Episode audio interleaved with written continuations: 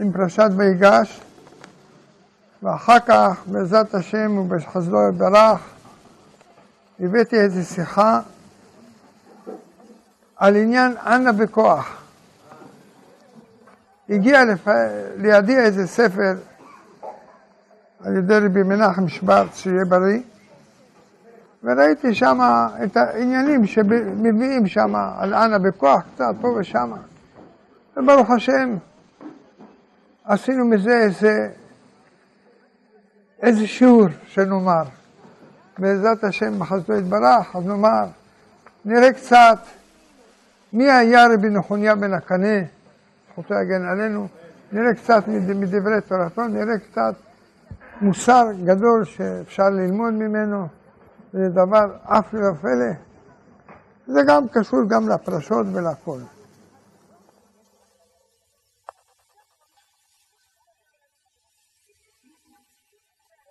פרשת ויגש אומר, ויגש אליו יהודה, ויאמר בי אדוני ידבר נא עבדך דבר באוזני אדוני, ואל יחרפך ועבדיך כי חמוך כפרעה. בהמשך הפרשה אנחנו רואים ולא יכול יוסף להתאפק. ויאמר יוסף אל אחיו, אני יוסף. יש לשאול, בכל מהלך פרשה זו יש שתי שאלות כלליות. מה ראה יוסף להתנהג כך עם אחיו?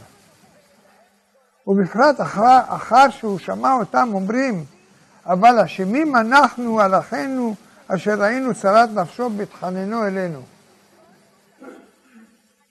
ב. אחר אשר יוסף מתנהג כך עם אחיו, הנה מה נשתנה כאן שכל כך מתפייס איתם, ובמילים אחרות מי יקרא מייקה סבר יוסף, ובסוף מייקה סבר, פשטות אפשר לומר שהנה רצה יוסף לראות עד כמה הסתכנו בשביל בנימין. הרי בנימין גם הוא בבחינת יוסף, שהוא שונה משאר אחיו. אחי יוסף, אחי יוסף היחיד, ויחיד לאמו, בן זקונים ואהוב על אביו. הנה, למרות שראה יוסף שהם מתחרטים על מכירתו, באומרם, אבל אשמים אנחנו, הנה איזה נקרא תשובה שלמה. זה לא תשובה שלמה. כמאמרם ז"ל במסכת יומא, איך אדם בעל תשובה, אמר רב יהודה, כגון שבא לידו דבר עבירה פעם ראשונה ושנייה וניצול ממנה. מחוי, רבי יהודה, באותה אישה, באותו פרק, באותו זמן. על כן, בעומדם באותה בחינה, בעת מכירת יוסף, ראה יוסף שהם שמים נפשם על שחרורו של בנימין. הנה אז ידע שהם שבו באמת, והושלמה תשובתם. ובתחילה באומרם, אבל אשמים אנחנו, הנה, זוהי התחלת התשובה, מבחינת חרטה. וכאן הייתה בשלמות. עוד יותר מכך, שהרי ראה יוסף שעל לקיחתו את שמעון, שהוא היה העיקר בצרת יוסף, לא הצטערו כל כך כמו על בנימין. הנה בזאת ידע שתשובתם אמיתית, ונתפייס עמם והתגלה להם. באופן פנימי יותר, יש לומר שהנה אם נתבונן במציאות מכירת יוסף, נראה ששלושה אחים היו במרכז. והשאר היו רק נגררים אחריהם. שמעון, מה אמר? לכו ונהרגנו. כמאמר הזוהר שהבאנו, ויאמרו איש אל אחיו דע שמעון, ולבי דינו נכין ודאי בקולה. היינו ששמעון אמר ללוי, ולעומתו ראובן רצה להצילו לגמרי להשיבו אל אביו. ובאמצעתם עמד יהודה, האמצעי, שהוא התנהג באופן של כאין פשרה, והתמקח עם אחיו למוכרו ולא להרגו. הנה בבחינת חסד הגבורה תפארת כסדרם. שראובן היה בבחינת החסד, להשיבו אל אביו. שמעון היה בבחינת הגבורה להורגו, ויהודה עמד באמצע למוכרו ולא להורגו. הנה, אם נתבונן, נראה שכל שלושה אלו קיבלו כאן מידה כנגד מידה. ששמעון לקחו יוסף לבית האסורים, שהוא היה האשם העיקרי בכל רעת יוסף. הנה אצל ראובן מצינו, ויאמר ראובן אל אביו לאמור את שני בניי תמיד, אם לא אבינו אליך תנא אותו על ידי וכולי. הנה יעקב איננו מתייחס לדבריו אלו כלל, הוא לא מתייחס לדברים האלה. בפשטות, הנה אין בזה שום שכנוע שיהרוג גם את נכדיו. אכן, לפי דברינו, הרי זה מבואר יותר, שזה מפני שראובן באמת, הוא לא היה קשור כלל לצרת יוסף. להפך, הוא רצה רק להצילו, על כן איננו מוטל עליו שום עונש. לעומתם, יהודה, שהתמקח עם אחיו על מכלת יוסף, שמצד אחד היה בזה טוב להצילו ממיתה, ומצד שני הוא גרם את מכירתו. הנה גם כאן היה צריך להתמקח על בנימין, בהיפוך לטוב לו לבנימין להצילו, כדי לתקן זאת. והנה ההתמתחות זו הייתה גם עם אביו וגם עם יוסף. והאחים האחרים שהיו רק נגררים, הנה הם גם כאן היו נגררים ולא עשו כלום. אם נעיין בזה יותר, אז נבין את, ה, את המצב הכללי. והקדוש ברוך הוא אומר ליעקב אבינו, ויאמר אנוכי האל אלוהי אביך, אל, תירא מרדה מצרימה. יש, יש להעיר בעניין זה שנפרדו ונשנדו ונשתנו דרכיהם של שלושת האבות. במציאות מצבם וישיבתם בארץ ישראל. שאברהם אבינו הנה נולד בחוץ לארץ, והקדוש ברוך הוא ציווה עליו לעלות לארץ ישראל. לך לך מארצך אל הארץ אשר הרקע. ובא הוא גם שבע, זקן ושבע, נפטר. יעקב אבינו הוא בהיפוך הגמור. הוא היפוך הגמור לאברהם, שהוא נולד בארץ ישראל, יעקב אבינו נולד, והקדוש ברוך הוא ציווה עליו לרדת למצרים, ושם מת. ויצחק הנמצא ביניהם, הנה הוא גם נולד בארץ, וגם נשאר בה כל ימי חייו. מה הביאור בזה? מה העניין שרוצים לומר פה? הביאור בזה שהנה אברהם אבינו, מבחינתו היא ראשית בירור הטוב מהרע. על כן הוא נולד בחוץ לארץ, היינו במקום הרע, מקום הקליפות. הקדוש ברוך הוא מצווה עליו לעלות לארץ. היינו, להתנתק מהרע ולהידבק בטוב. איפה הדבקות בטוב? ארץ ישראל. ובבחינת יצחק, אם אנחנו ניקח את בחינת יצחק, יצחק אבינו היא עצם הגדילה בקדושה. בבחינת צדיק בן צדיק. הוא היה עולה תמימה. על כך הוא נולד גם בארץ ישראל, ואיננו יוצא ממנה. מבחינת יעקב, הלוא מה אמרנו יעקב שהוא בכיר שבאבות, ומיתתו שלמה, זאת אומרת, שנולדו לו כולם בנים צדיקים וחסידים, זה מיתתו בטית, לא בת'. הנה מבחינתו הוא השלימות הגמור, על כן עבודתו הוא בהיפוך. לרדת אל מקום הקליפה, כדי לברר שם בירורים לצורך הקדושה, וכידוע שלאחר שמגיע האדם אל השלמות, מצד עבודתו, הנה עליו לרדת לברר כדי להעלות ניצוצות השבויים שם. כמו שיודעים את הכוונה שיש ב...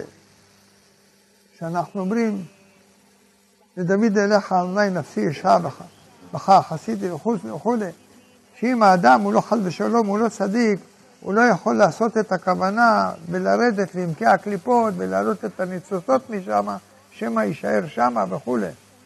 רק צדיק, אדם שהוא יודע שהוא צדיק, יכול לעשות את זה, כדי להעלות את שאר הניצוצות. זה הדוגמה, אבל לא העליתי את זה בכתב כאן. נמצא בזה ששלוש בחינות אלו הם עצמם שלושת מצבי העבודה המצויים בכל האדם. כל אדם יש לו שלושה דברים. שמקודם עליו לתקן את עצמו, לעלות אל הקדושה. זהו מבחינת חוץ לארץ, לבחינת ארץ ישראל. אחר כך עליו לשהות בקדושה רבה, מבחינת יצחק, בארץ ישראל, להיות גם כן עולה תמימה. ורק אחר כך, כאשר בא לתיקונו, יש, בכוחו, יש בכוחו לרדת למצרים. היינו לעסוק עם הרע. מבחינת יעקב בירידתו במצרים, לתקן את כל ניצוצות הקדושה שהיו שם, ותקן את ניצוצות האדם הראשון. וזה שאומר לו, יעקב לפרעה, שאמר לו כמה שני חייך, אמר לו מעט ורעים, מאה, שלושים ומאה שנה, אלא המאה ושלושים שנה כנגד האדם הראשון שהיה צריך לתקן, והוא, יעקב אבינו כידוע תיקן את חטא האדם הראשון. זה מעט ורעים. הדברים ידועים שכך היא סדר העבודה והתיקון, שמתחילה המלכות עולה לאצילות ונתקנת. ורק לאחר שנתקנת בעצמה, היא חוזרת לעולמות בריאה, יצירה ועשייה הנמוכים, לברר בירורים נוספים ולהעלותם לאצילות.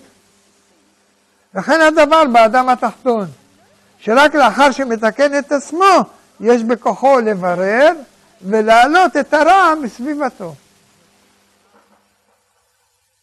אומר, והיה כי יקרא לכם פרעה ואמרתם מה מעשיכם ואמרתם השם יקנה היו עבדיך. כי תועבת מצרים כל רועה צאן. הנה, אם נתבונן בדבר זה, שראיית הצאן על ידי האבות הקדושים, וכן של הקודמים עליהם בבריאה, נראה בזה דבר נפלא מאוד. שהנה עיקר עיסוקם של כל אותם הדורות היו בשתי עבודות עיקריות, והם ראיית הצאן עבודת האד... ועבודת האדמה. וכבר אצל קין והבל היה דבר זה, שקין היה עובד אדמה, והבל היה רועה צאן. נוח היה עובד אדמה, ככתוב, ויחל נוח איש האדמה, וגם עבודתו עם התיבה היו בבחינת אדמה. אברהם אבינו, כתוב שאברהם היה כבד מאוד במקנה, והיו לו רועים, ככתוב, ויהי ריב בין רועי אברהם לבין רועי לוט. יצחק אבינו היה עובד אדמה. ככתוב ויזרע יצחק בשנה ההיא, ויעשה מאה שערים, וימצא מאה שערים ויברכהו השם. יעקב אבינו היה רואה צאן לבן. כמובן הרבה בכתובים. עשיו היה איש שדה. בני יעקב היו רועי צאן. וכן יוסף היה רועה צאן. מצד שני הוא שזה שפיקד במצרים על הזריעה בשבע שנות השרה. המסים היו עובדי אדמה, ככתוב אל לכם זהרה וזירו לכם. בסיכומו של דבר נמצא שהבל, אברהם, יעקב ובניו היו רועי צאן. ומאידך קין, נוח, יצחק, וכן להבדיל אנשי מצרים, היו עובדי האדמה. היינו שכל בחינות החסדים וההתפשטות שהם הבל, אברהם, יעקב ובניו, הם עסקו בראיית הצאן. לעומת זה, כל אלו שבבחינתם הייתה בבחינת גבורות וצמצום, שהם קין, נוח, יצחק, להבדיל אנשי מצרים, עבודתם הייתה עבודת האדמה. גם ש, שני חלומותיו של פרעה היו בשתי בחינות אלו. שהחלום הראשון היה בבחינת חי, שבע פרות יפות מראה, טובות, שובע, ושבע הפרות השניות רעות מראה. החלום השני היה בבחינת שדה, ומזה נמצא שעיקר עבודתם של דורות אלו היה בשתי בחינות שורשיות אלו. ביור פנימיות הדבר. נראה על פי הידוע שישנן ארבע דרגות של דומם, צומח, חי, מדבר. ומבואר בדברי האריזל שמבחר הדומם נעשה לצומח, ושזהו הבירור מן הדומם לצומח. ומבחר הצומח אוכלו חי, וזה הבירור של הצומח שנעשה לחי. ומן החי אוכל האדם, ובזה מתעלה החי לבחינת מדבר. הנה לפי סדר זה לכאורה עיקר התעסקותו של האדם היה צריך להיות עם החי, שהיא דרגה שמתחת למדבר. על כן, סברה היא שהאדם יראה את צונו, שמדבר זה הוא יעסוק עם החי, ולא שהמדבר יעסוק עם הדומם והצומח, שהם אינם נמצאים תחתיו, אלא תחת בחינת הצומח. כמו שהאצילות משפיעה על הבריאה, ואיננה משפיעה באופן ישיר לעולמות יצירה ועשייה, אלא שכידוע שבבחינות גבורה שבדת, הנה עיקר מקום כינונם הוא בעשייה. על כן כל אלו שהם בבחינת גבורות צריכים לתקן בבחינת עשייה שהיא בבחינת דומם, להעלותם לבחינת צומח, ופשוט הוא. אכן עיקר העבודה של אלו שהם בבחינת התפשטות ותיקון היא לעלות מבריאה מבחינת החי. הנה כפי שאמרנו, נוח היה בבחינת עוסק אדמה שיש בבחינת גבורות, כמבואר במקומו. אכן יש להוסיף בזה, שהרי נוח לפני נטייתו כרם, כל זמן היותו בתיבה, היה עוסק בבחינות החי. ונמצא שעסק בשתי הבחינות. לפי זה יובן היטב מה שכתוב אצלו, ויחל נוח איש האדמה ויתה כרם.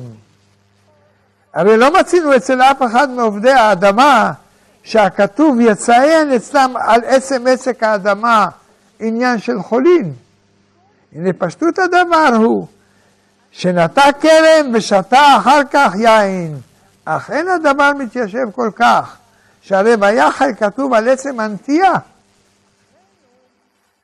לפי מהלך זה התיישב הדבר היטב, שהרי ירד בדרגה, שמקודם עשה כבר עם החי, וירד יותר לעסוק עם הדומם והצומח כדי לעלותם למעלה. זה צריך, וזה צריך להבין. זה מבחינת הפרשה שבהיגש, ואנחנו נעבור חסדי השם. הרבי נחוניה בן הקנה, אני אמרתי חלק מזה בהשכלה שהרמנתי מי שהיה ביום א' בערב, אז אנחנו אמרנו את זה, ויש פה את השער לאלה שהם רצו לבוא לשמוע את השער, אז יש פה את השער, דברים היוצאים מן הלב. אז אנחנו נראה פה הרבי נחוניה בן הקנה בתפילותיו. יהי אדוני עמנו ויזכנו לדבר מעט מן המעט בעניין הקדוש הנורא, אשר הוא תפילת רבי נחוניה בן הקנה, אשר חיבר ברוח השם שהייתה בו. הלא היא התפילה המוכרת בפי רוב עם ישראל. תפילת אנא בכוח גדולת ימיניך, הרומזת לסתרים עצומים ונשגבים בקודש. היא גם מוכרת בתואר שם מ"ב, כנודע. עוד נגיע לזה. והנה, לפני שננסה מעט להתבונן במילות התפילה של אנה בכוח, על פי מחברים קדושים וטהורים שדיברו בה, על פי הביאור הנפלא של רבנים גדולים, אבל נדבר מעט בעניין הכללי של תפילה זו. והנה כדי להבין את התפילה, אז יש להתבונן ראשית כל במי שחיברה. מי חיבר אותה? מה הוא היה? הלא רבי נחוניה בן הקנה. כידוע, רבי נחוניה בן הקנה חיבר גם תפילה לבית המדרש, שהיה מתפלל בכניסתו וביציאתו. וכך אומרת הגמרא, משנה, רבי נחוניה בן הקנה היה מתפלל בכניסתו לבית המדרש וביציאתו תפילה קצרה. אמרו לו, מה מקום לתפילה זו? אמר להם, בכניסתי אני מתפלל שלא ירה דבר תקלה על ידי וביציאתי אני נותן הודעה על חלקי. והמשנה, גמרא, תנו רבנן, בכניסתו מה הוא אומר? יהי רצון מלפניך אדוני אלוהי, שלא יארע דבר תקלה על ידי, ולא אכשל בדבר הלכה, וישמחו בי חבריי, ולא אומר על טמא טהור, ועל טהור טמא, ולא ייכשלו חבריי בדבר הלכה, ואשמח בהם ביציאתו, מה הוא אומר? מודה אני לפניך, אדוני אלוהי, ששמת חלקי מיושבי בית המדרש, ולא שמת חלקי מיושבי קרנות. שאנו משכימים והם משכימים. אני משכים לדברי תורה והם משכימים לדברים בטלים. אני עמל והם עמלים.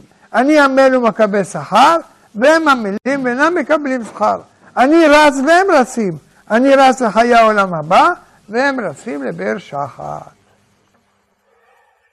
מה זאת אומרת? בכניסתו לבית, המד... לבית המדרש. מה פירוש הרמה בכניסתו לבית המדרש? בכניסתו לבית המדרש זו מעלת התורה. מה פירוש? הנה, בכניסתו של נחוניה בן הקנה לבית המדרש היה מתפלל שלא ירע דבר תקרה ולא ייכשל בדבר הלכה וישמחו בחבריי. ולא ייכשלו חבריי ואשמח בהם וכולי. הווה אומר, תפילה זו מקוונת שלא יהיה חלילה נכשל. לא הוא ולא חבריו. בתפילה זו הוא כלל שתי אפשרויות של כישלון. אין כישלון בכוח השכלי, שיהיה חס ושלום טועה בשכלו ואומר על טהור טמא, חלילה, ואין כישלון בכוח נפשי, במידות שלא יהיה שמח בכישלון חבריו. ולא ישמחו חבריו בכישלונו. באמת, בשתי נקודות אלו הן כלולות כל החולשות האנושיות.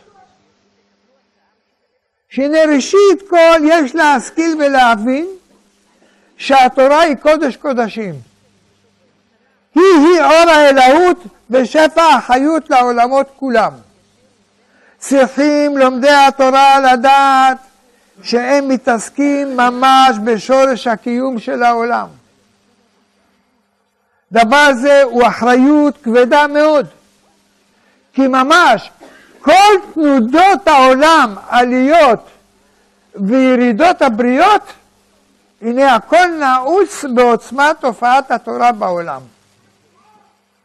אם חלילה יהיה טועה האדם והולך בדרך לא נכונה בתורה, הרי אין הדבר קל, כי התורה היא חיות הכל. היא דומה למשל לניתוח המוח. רופא שצריך לנתח מוח, הוא צריך זהירות רבה מאוד. כי במק... למה הוא, הוא נוגע במר... במרכז של החיים. צריכה תשומת לב ואחריות עצומה. למשל, אף גם זאת, הלא התורה היא קודש קודשים נורא ואדיר. היא-היא ממש אורו של הקדוש ברוך הוא יתברך, וכבודו של מלכו של עולם. הקדוש ברוך הוא ממש נתן את התורה לישראל.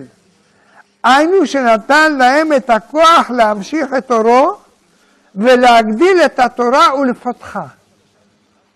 ואף גם זאת שנתן את כוח פסיקת ההלכה וההכרעה לחכמי ישראל שבעולם הזה, כמו שנודע שלא בשמיים היא, הכל מצייתים לדברי חכמים, לדברי חכמי ישראל שבעולם הזה.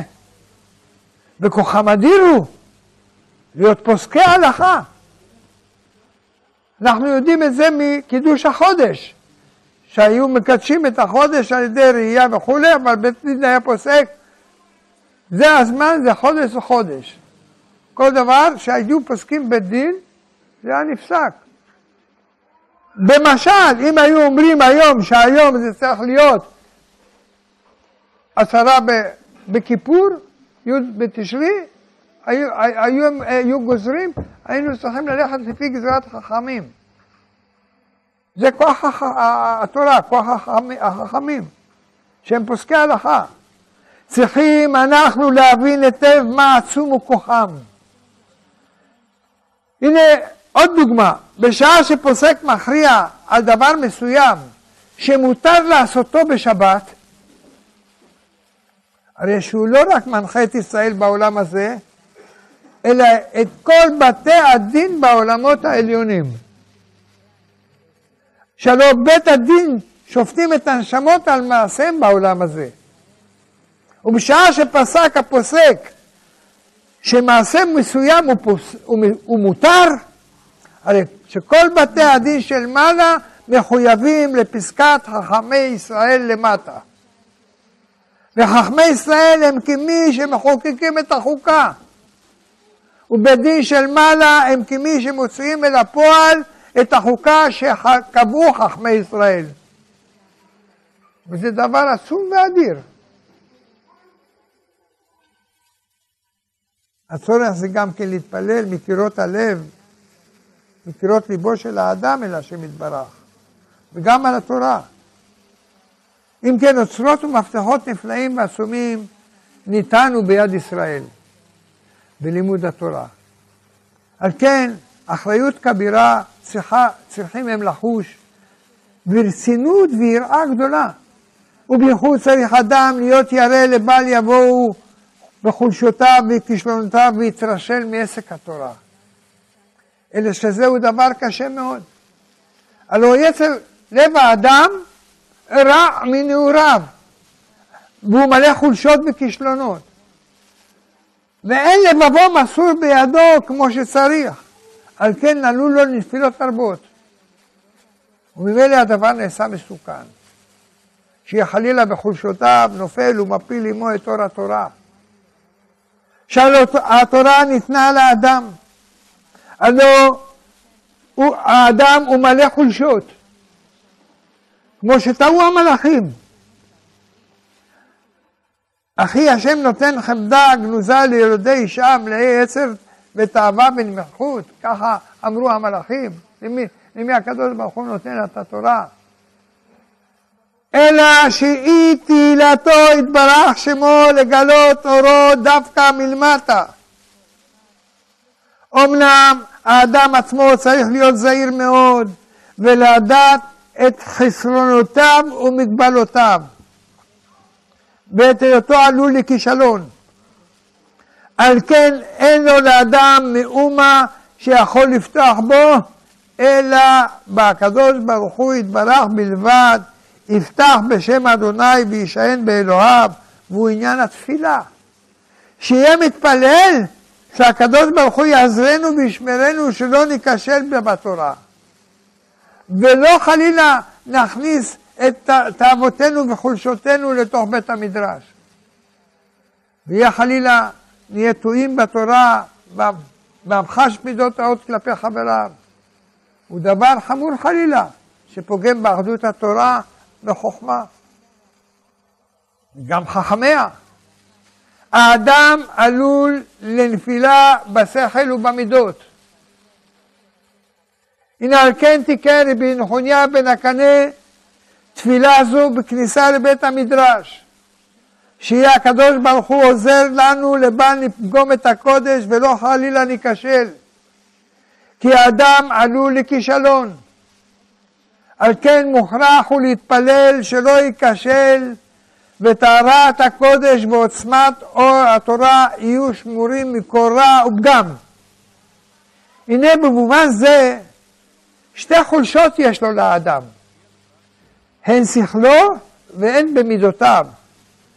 ששכל האדם הוא מוגבל הוא, וגם זאת שהמידות מעוותות את השכל, שאם חלילה יש לו פגימה במידה מן המידות, מידת האמת, או הגאווה, או הכעס, וכיוצא בזה, הרי שפגם זה אינו מתבטא רק בנפש ובמידות, אלא גם בשכל ובמחשבה. למה? מה אמר שלמה המלך? וכעס, וכעס בחק כסילים ינוח. על כן אמרו חכמים, כל המתגאה, חס ושלום, אם חכם הוא, חוכמתו מסתלקת ממנו. הרי שהמידות משפיעות על המחשבה, והמחשבה היא נמצאת בעולם האצילות. המחשבה, היא, אין לה סוף, אין סוף למחשבה. על זה אנחנו בעזרת השם, יש שיעור שהוא כבר כמעט מוכן רק על המחשבה. תדעו, המחשבה היא מעולם האצילות, המחשבה היא אין סוף, כמו אור ברוך הוא שהוא אין סוף. אלה דברים נפלאים, אבל בעזרת השם בשעתו. וממילא כדי שנוכל לכוון לאמיתותה של תורה, אנחנו צריכים להיות תיאורים גם במידות שלנו, במידותינו.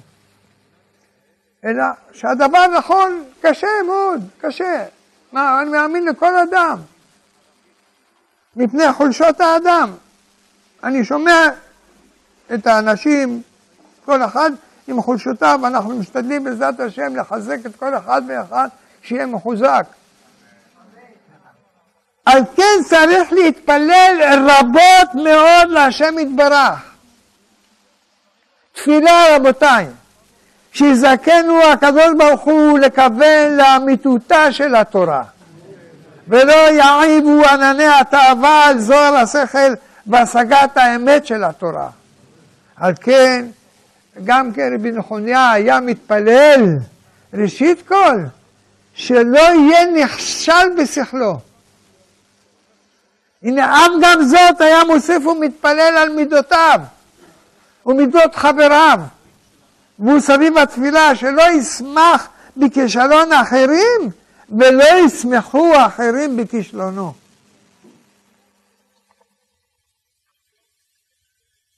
ואנחנו רואים בהמשך תפילותיו, אנחנו רואים שהוא מדבר על תורה לשמה מול תורה שלא לשמה, חלילה. זה מוסר עצום שאנחנו לומדים פה מרבי נחוניה. מוסר שכל אחד ואחד ייקח על ליבו. זה נפלא מאוד. הנה זה עניין עצום גדול מאוד, שהנה, מה ההבדל בין מי ששמח בכישלון חבריו, חלילה, ובין מי שאינו שמח בכך? שאלה או לא שאלה? שאלה. הנה ההבדל הוא עצום מאוד. והוא משקף הבדל גדול מאוד בכללות הגישה ללימוד התורה. האם הלימוד הוא לשמה בטהרה אמיתית, או שהלימוד שלא לשמה, והוא נגוע חס ושלום בכוונות של כבוד, בהנאה אישית חלילה. הנה בשעה שהתורה היא לשמה ממש, לשם ייחוד קודשה ברכוש שכינתה, אז הנה מטרת הלימוד היא למעשה תיקון השכינה כולה. ואז מתגלה אור האלוהות על כללות עם ישראל. נמצא שהמטרה היא כללית, ולא מרוכזת באדם עצמו. וכדוגמת חייל בקרב, בשדה, בשדה הקרב. חייל בשדה הקרב, מטרתו ומלחמתו היא כללית. שיבשע ישראל מיד שריו. הוא אינו רץ כדי לקבל צל"ש, כל אחד שנמצא בשדה הקרב, הוא לא חושב על הצלה שהוא יקבל, הוא חושב איך להושיע את עם ישראל. הוא לא חושב להדביק על המטוס שלו עוד מדבקה של מטוס אויב הפלתי עם המטוס הזה. היה ככה. מהחיים, לא מביא ככה.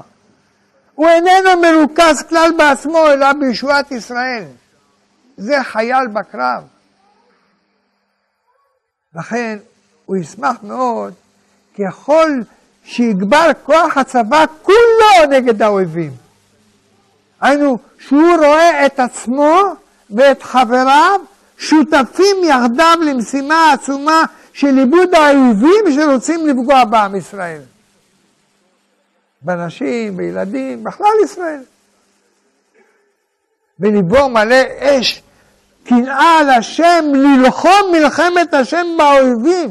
וכל החיילים האחרים, הנה דבוקים בלבבו באהבה רבה. יש אחדות מלאה בשדה הקרב.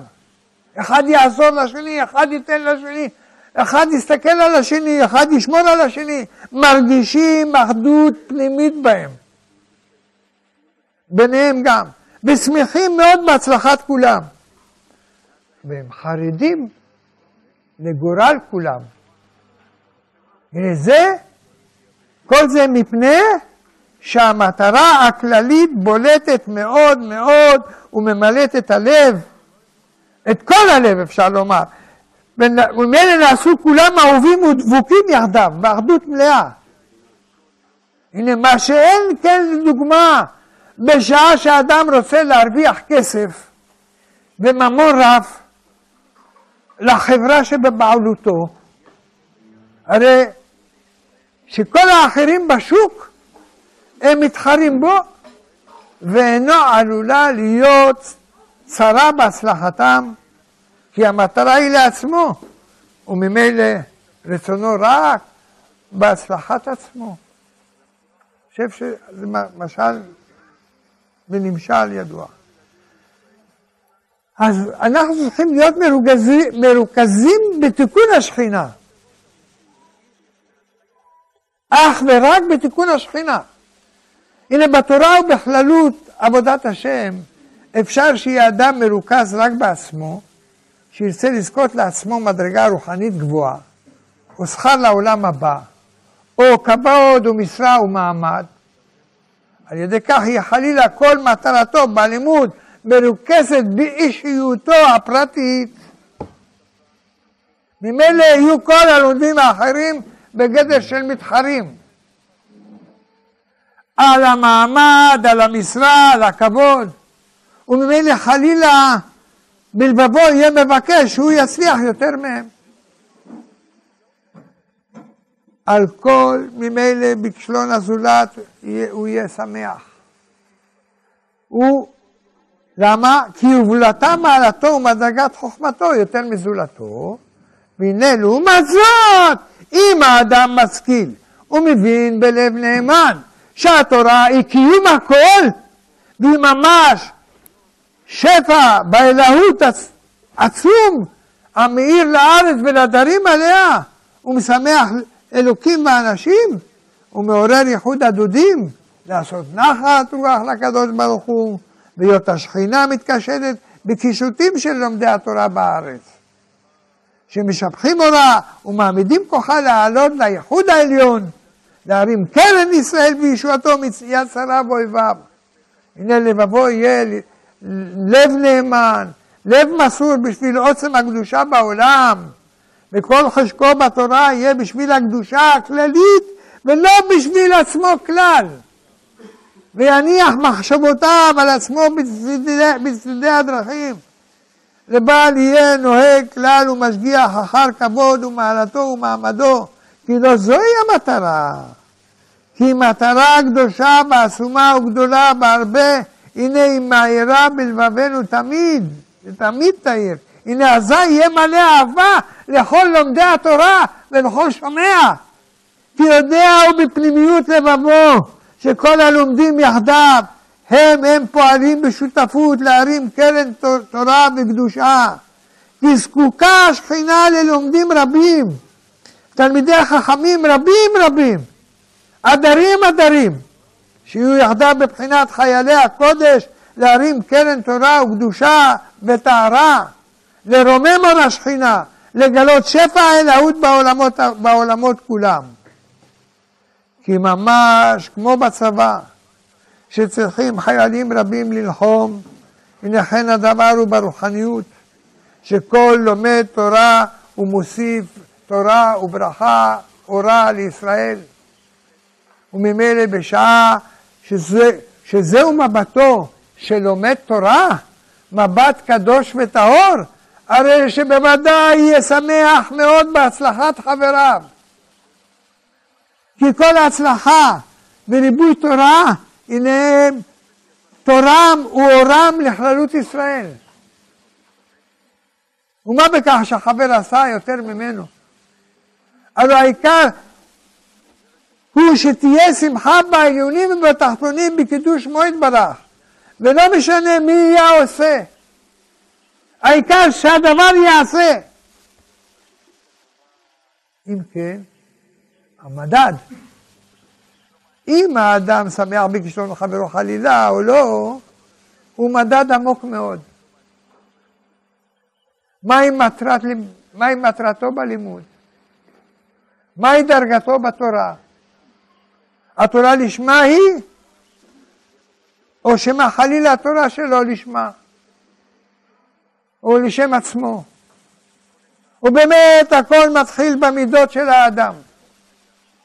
כי מדרגת תורה לשמה באה היא מתוך נפש מתוקנת, שמביטה נאמנה על העם, על השכינה, ורואה את הצרכיה, את הצרכים, ומרחם בלבבו על הבריות, ואין לצרכי בני עמו. כמו משה רבנו, שנאמר עליו, וירא בסבלותם.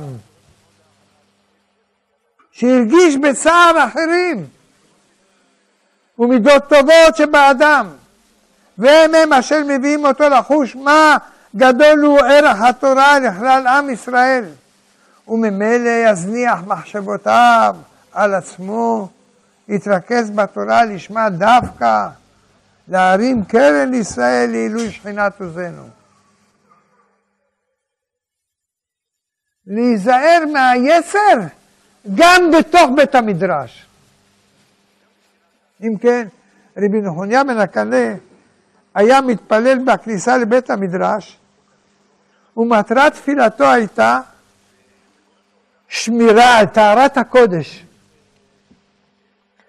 בא להתפגם בחולשות האנושיות, הן בשכל והן בנפש ובמידות. נמצא שמטרת התפילה היא שמירה וזהירות מטומאה. כדי שיהיה הקודש זורח ומאיר בלי גבול, בלי פגם חלילה. ואף גם זאת, שהיה רבי נחוניה ער להכיר שיצרי מעללי איש אינם נמצאים רק ברחובות עיר ובמקומות בילוי, אלא גם בתוככי בית המדרש, במקום התורה עצמה. הנה, גם שם עלול היסר לשכון ולהסתתר.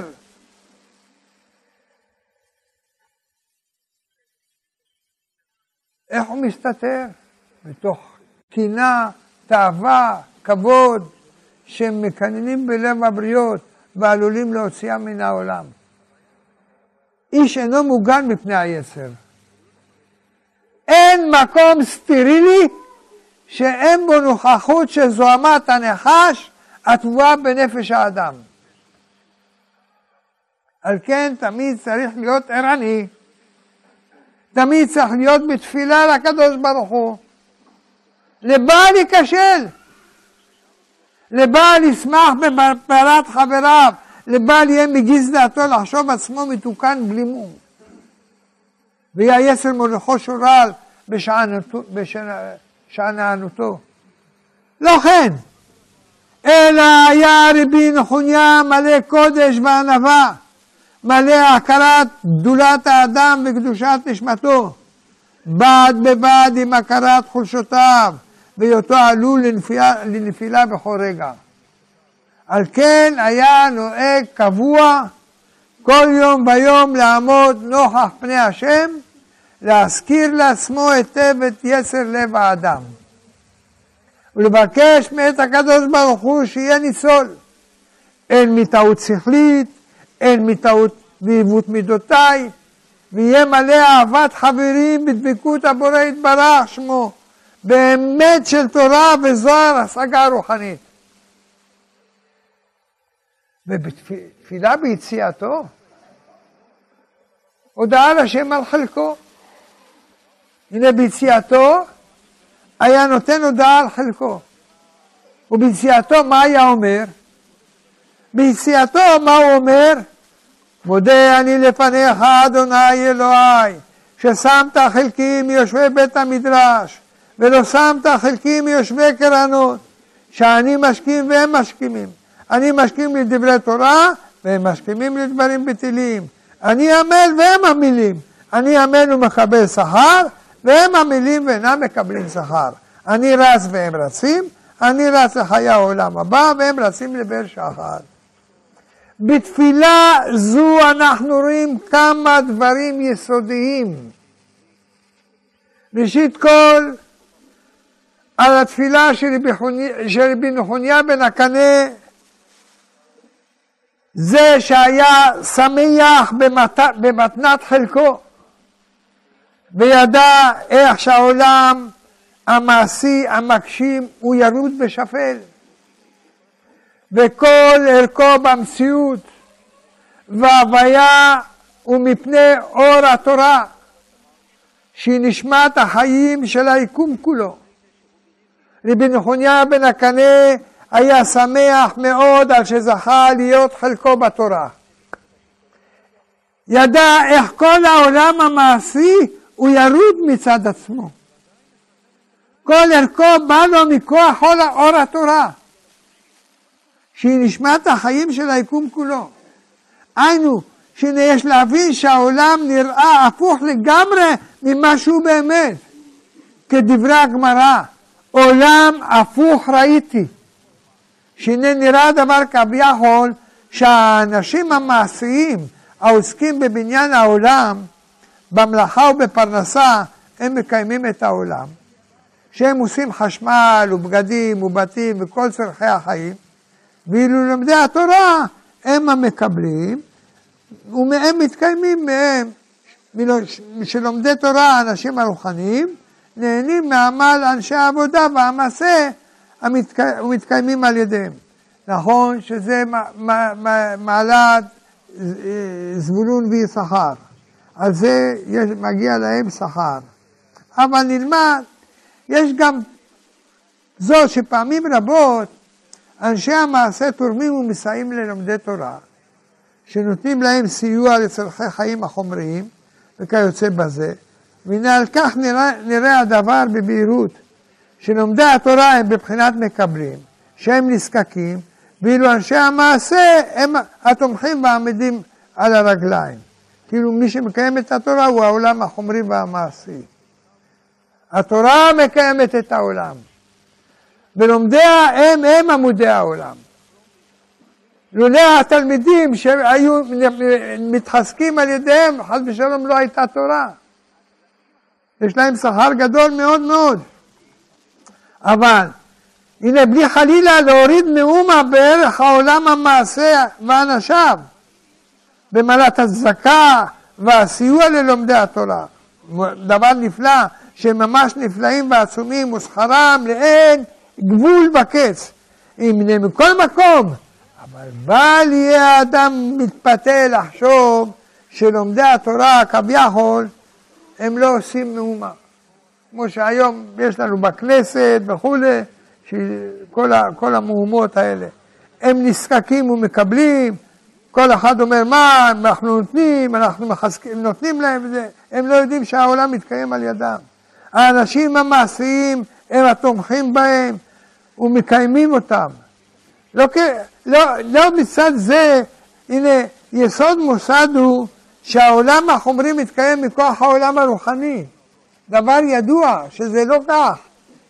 כן, כמו שהגוף קיים מכוח הנשמה ולא להפך, שהנשמה היא חיות האלהות שמקיים את הגוף, הנה הדבר בכלל העולם וההוויה, שההוויה החומרית בכל פרטיה אינן, אינה קיימת אלא מכוח אור האלוהות שמקיים ומעמיד אותה. היא התורה ממש, שהיא קיום העולמות כולם. ובאמת, אחר כך נותני השכר, נותני הצדקה, הם ירוויחו כפול ומכופל ומשולש, גם בשתי העולמות. באלמלא בריתי יום ו' בלילה אומר, חוקות שמיים וארץ לא שמתי. לומדי התורה הם, הם הממשיכים את ההערה העליונה שתהיה אחוזה היטב בעולם החומרי. כנשמה החזקה, האחוזה בגוף. על ידי כך מתקיים העולם כולו ממש. נמצא שלומדי התורה, הנה אף שאין ערך מעשיהם ניכר בגילוי בתוך העולם המעשי, כמו שניכר מעשיו של קבלן או של בעל בית חרושת, שמייצרים בחולה תפוקה ניכרת לעין. הנה, מעשה לומדי התורה הוא נפלא ונהדר בקודש הוא, מעורר את מחוזות שמי השמיים וממשיך הערתם לתחתיות הארץ. שפע פנימי נעלם ושל חיות אלאית מאיר בכל עת מכוח הבל התורה. וכל שכן מהתורה עצמה. כמו שלא רואים את הנשמה, כן, לא רואים את חיות האלוהות הנמשך לעולם מכוח התורה. אך שלא רואים, הנה כל בר דעת יודע היטב שכל תפקוד האדם בגוף ובנפש, הנה הוא רק מכוח הנשמה שבו. אף שאיננו רואה אותה כלל. ככל שהיא חזקה יותר, כן האדם מלא שמחה וחיים וברכה והצלחה בכל מעשיו. כך ממש בכלל העולם. הנה קיום העולם ברוח הטליה מילתא. ברוח התורה ובהבל פה לומדיה. שהם הם ממשיכים את טהרת הקודש להחיות את העולמות מזיו הזוהר בנשמת אלוהים של תורה הקדושה. נמצא הכל עומד ממש מכוח התורה. הנה, אם חלילה לא תהיה תורה בעולם, אזי העולם יחזור לתוהו ובוהו. ונמצא שלומדי התורה, הממשיכים את התורה לעולמות, הנה ממש מקיימים את העולם מאפס. היינו שנותנים הם לכל העולם ולכל בריאותיו את קיומם ממש. ומשל הוא לאלומת המסך, שהפנס הוא מעניק בכל עת קיום לאלומה, אם יכבו את הפנס, הרי שהכל ייעלם בתיק, כלא היה, ברגע אחד. כך ממש התורה כלפי העולם, שהכל מתקיים ממנה.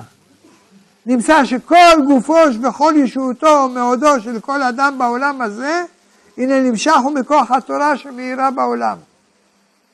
ובלעדיה הכל יחזור לעין ממש. נמצא שלומדי התורה, אותם שנראים ספונים בבתי מדרש, בלי לעשות כביכול כלום בעולם המעשי, הנה הם הם מעמידים את העולם. הם הם מקיימים את המציאות. הם הם המיישבים את המציאות בקיום, בפריחה ושגשוג, להרבות בה שמחה ואור ואושר, והצלחה לכל אדם במקומו. הם הצדיקים הנסתרים, שהשפעת מעשיהם אינה ניכרת לעין, כמו ההכרה של תוצאות האנשים המעשיים. הנה לפיכך חלילה לפעמים מזלזלים בהם, סוברים שהם נתמכים ונזקקים, כמי שלא עושים כלום ומהווים נטל על הציבור חלילה חלילה. מכאן תיקון קליפת יוון להכיר במעלת התורה ופעולתה. מה פירוש?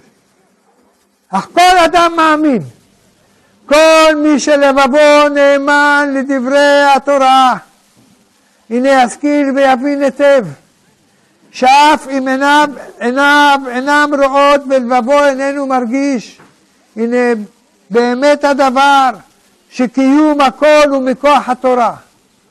ולומדי התורה הם הם ממשיכים את התורה למציאות ולהחיותה ולקיימה. על כן כל אדם מכבד את לומדי התורה, מוקיר מאוד את מעשיהם, אף שנסתרים הם.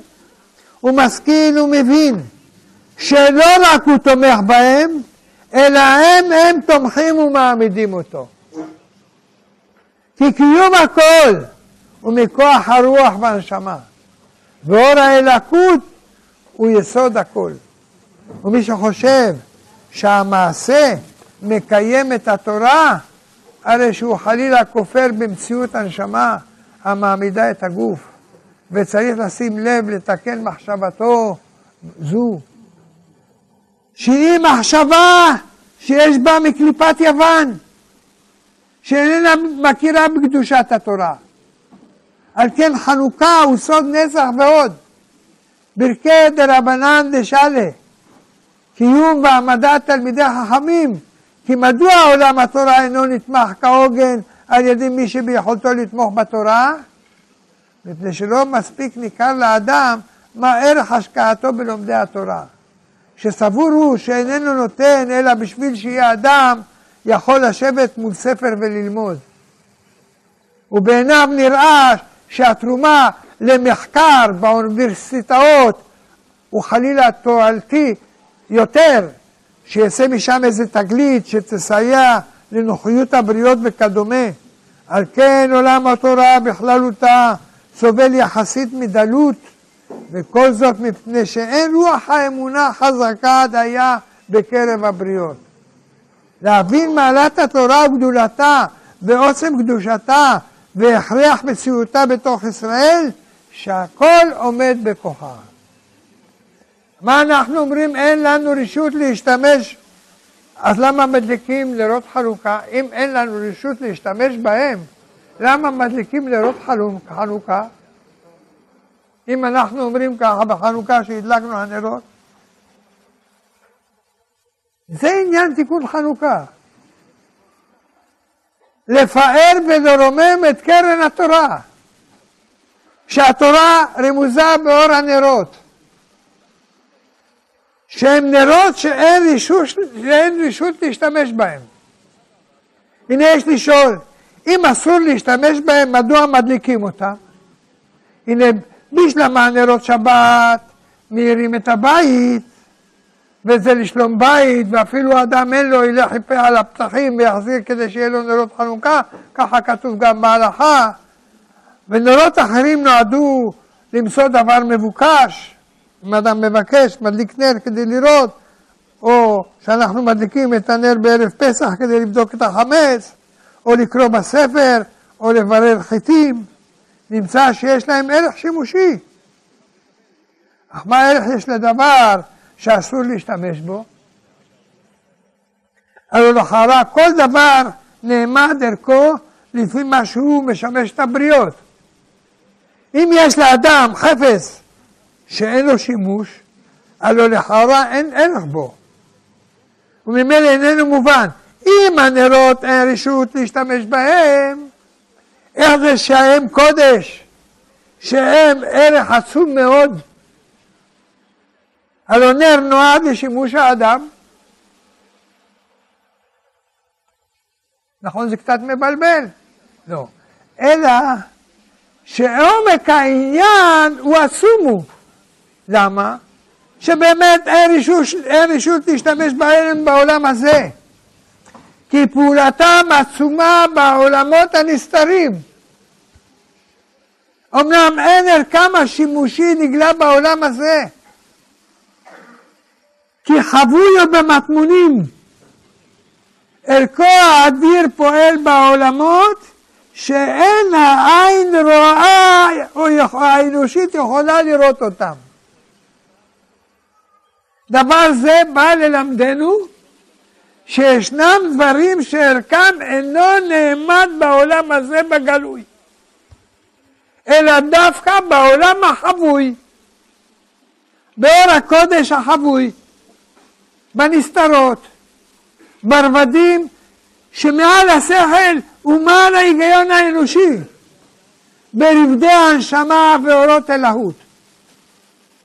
והוא הפך מחשבת יוון, שאמרו שאין העולם אלא אחד, ואין עוד דבר זולת העולם הזה, הגלוי לעין.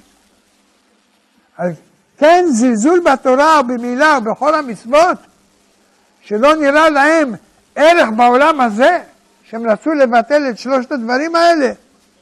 הנה באו חכמים ותיקנו הדלקת נרות חנוכה, ואסרו להשתמש בהם, ודבר זה בא לפתוח לנו חלון אל עבר הרובד הנסתר, שנבין שישנם דברים עצומים במעלתם, שלכן אין להורידם ולהשתמש בהם בעולם הזה, אלא גם רק לעתיד לבוא.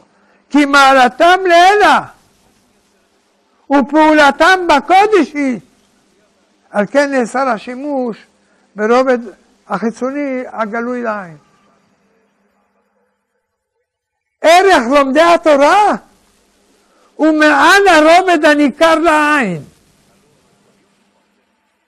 דבר זה ממש הוא יסוד היחס ללומדי התורה ולתלמידי החכמים. אם יבוא האדם לאמוד כל דבר רק לפי ערכו השימושי הגלוי, אזי יטען חלילה, מה יהנו לנו רבנן? מה מועילים לנו חכמים? הלוא מה התועלת? בא מהישיבות, מהכוללים. הם לא מפתחים את שוק העבודה, הם לא ממציאים נוסחאות לשבח את הטכנולוגיה, את המוצרים. הם אינם מייצרים חומרי גלם ולא מוצרים למכירה. הם אינם מקדמים את המחקר בתחומי העולם הזה. מה זה תועלת בהם חלילה? מה התועלת אם הם מתפלפלים באיזו סוגיה בדיני קורבנות או, דיני, או בדיני עגלה ערופה? הלוא הם דברים שאין בהם לכאורה שימוש לבריות חלילה חלילה. הנה זוהי טעות יסודית המשטחת את העולם במבטה הרדוד וסוברת שכל דבר שאין ערכו גלוי לעין כביכול אין לו ערך. זוהי שטות איומה. הלא דומה הדבר למבט של חמור על המציאות, שמנסה כל דבר ללעוס ולחוש אם הוא טעים. ולערכו אין חשיבות לזהב, לאבנים טובות, ולא למוצרים טכנולוגיים משוכללים. ומדוע? כי אין להם טעם של עשב משובח. טעמם מר וטפל. ואין להם נעימות לריסה. זה מבטו של חמור, שרואה את העולם רק ממשקפיים של דשא ירוק ועסיסי. כל מה שאינו ראוי לליצה, לא ראוי לבוא בקהל. אין לו ערך ואין להשקיע בו. כך עלול להיות במבט של אנשים רדודים שאינם מבינים לצערנו את מעלת הקודש והתורה. ועלולים לאמוד את הישיבות והתורה והמצוות רק בפרמטרים של תועלת גלויה בעולם הזה, וזה דבר מאוד מאוד שהוא מפריע. אז אנחנו צריכים לדעת את גדולת התורה, את היראת שמיים שהיא גדולה, על כן עלינו לכבד בכבוד פנימי ולב נאמן את האנשים הדגולים מרבבה שלחלו להם עוז וקדושה באהבת השם ואהבת התורה, בחריצות של יגיעה וכישרון גדול. אם כן, אנחנו נמשיך בדברינו על זה. ניצוצות הקודש שבכל מקום. אם כן, מה ראינו? ראינו את הנקודה הראשונה בתפילה, שאמר ביציאתו, אנחנו מדברים על רבי נחוניה, ראינו את התפילה הראשונה, שאמר ביציאתו, שהוא עניין ההודעה על חלקו. הודעה זו היא הכרת מעלת התורה. רבותיי, תנוחו.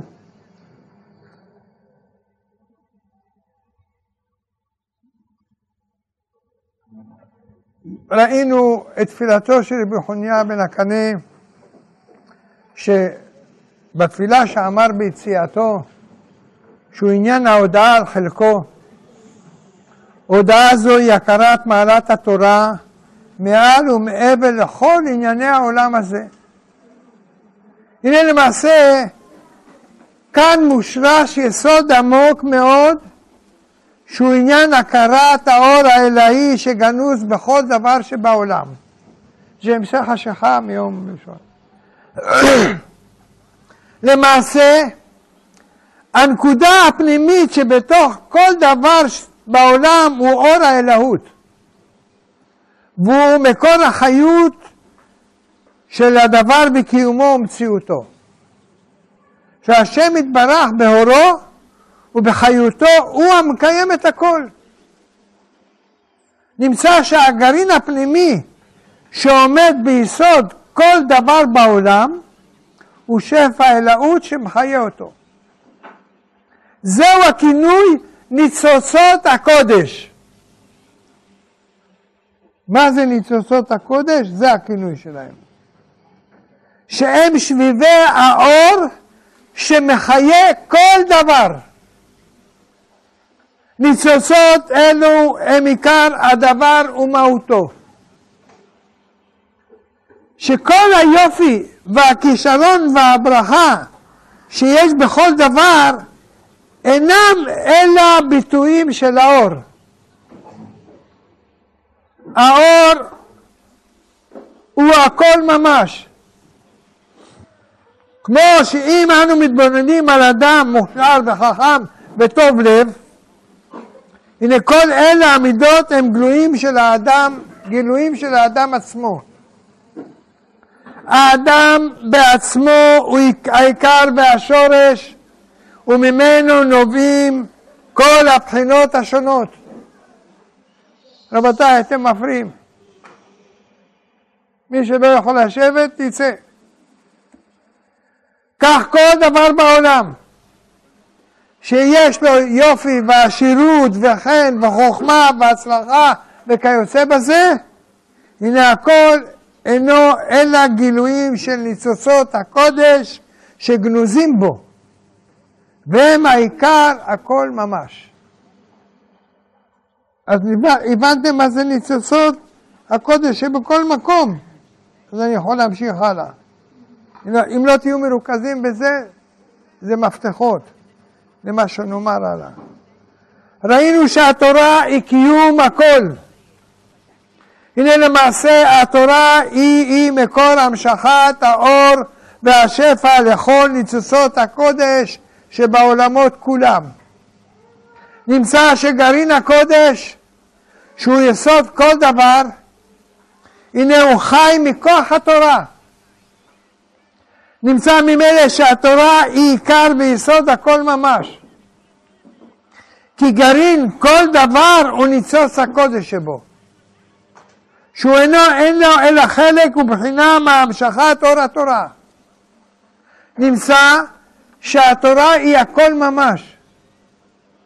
אם כן, רבי נחוניה בן הקנה היה מכיר במעלת התורה ולומדיה. היה שמח בלבבו על שזכה לכתרה של תורה, להודות ולהלל לקדוש ברוך הוא, לשם יתברך, שזכה לעיקר הכל ממש. ומכאן הגיע לתוכן התפילה, וכך היה אומר, מודה אני לפניך, אדוני אלוהי, ששמת חלקי מיושבי בית המדרש, ולא שמת חלקי מיושבי קרנות, שאני משכים והם משכימים. אני משכים לדברי תורה, והם משכימים לדברים בטילים. אני עמל והם עמלים. אני עמל ומקבל שכר, והם עמלים ואינם מקבלים שכר. אני רץ והם רצים. אני רץ לחיי העולם הבא, והם רצים לבאר שחת. אדם לעמל יולד. הנה כאן הורה ואמר דבר גדול. שלמעשה כל הבריות משכימים ועמלים ורצים. הוא בא להורות שאין אדם שיכול לחסוך מעצמו את המאמץ והעמל. כי האדם לעמל יולד. כל אחד צריך להתאמץ בשביל אורח חייו, הן לפרנסתו, הן למשפחתו, הן לבריאותו, וכיוצא בזה. כי יסוד העולם, יסוד העולם, הוא עניין התיקון והעמל. סוד הבירורים והתיקון והקלקולים. לכן הטורח והעמל הם לחם חוקם של הבריות כולם. אין מי שיכול להימלט מהם. תחדירו את זה טוב טוב לראש. ומי שנדמה לו שנמלט מהם, אינו אלא לפי שעה וזמן. כי זהו חוק בתיקון העולם. תבינו, שבאנו לכאן בשביל לתקן ולבנות. על יסוד זה צריך עמל וגבורה ומעשה. ומי שבא ומי שממאן לקבל ולהסכים בליבו שבא לעולם בשביל לעמול, וחפש רק במנוחת הנפש או בנופש, מכין לעצמו אורח חיים מלא ייאוש וסבל ותסכול. נקודה. כי עצם הדמיון והרצון לחיים של נופש ימלאו בייאוש בשעה שיראה שעליו לעמול ולטרוח. כי איננו חפץ בכך. לכן יהיה לו סבל. כי עצלותו תגרום לו שלא לטפל ולקדם את, את ענייני חייו. תלכו לפסיכולוג הכי הגדול, הוא לא יגיד לכם את זה.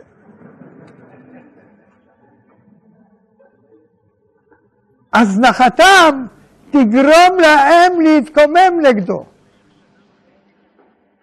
כמו שדה עצל, שמתמלאת קוצים מעצם העובדה שאיננו מטפלים בה. לעומת זאת, מי שיודע ומסכים בליבו שבא לעולם בשביל לעמול, הרי שהוא מכין את נפשו בצורה נכונה לחיי העולם הזה. על כן הוא לא יקוץ בטורח ובעמל.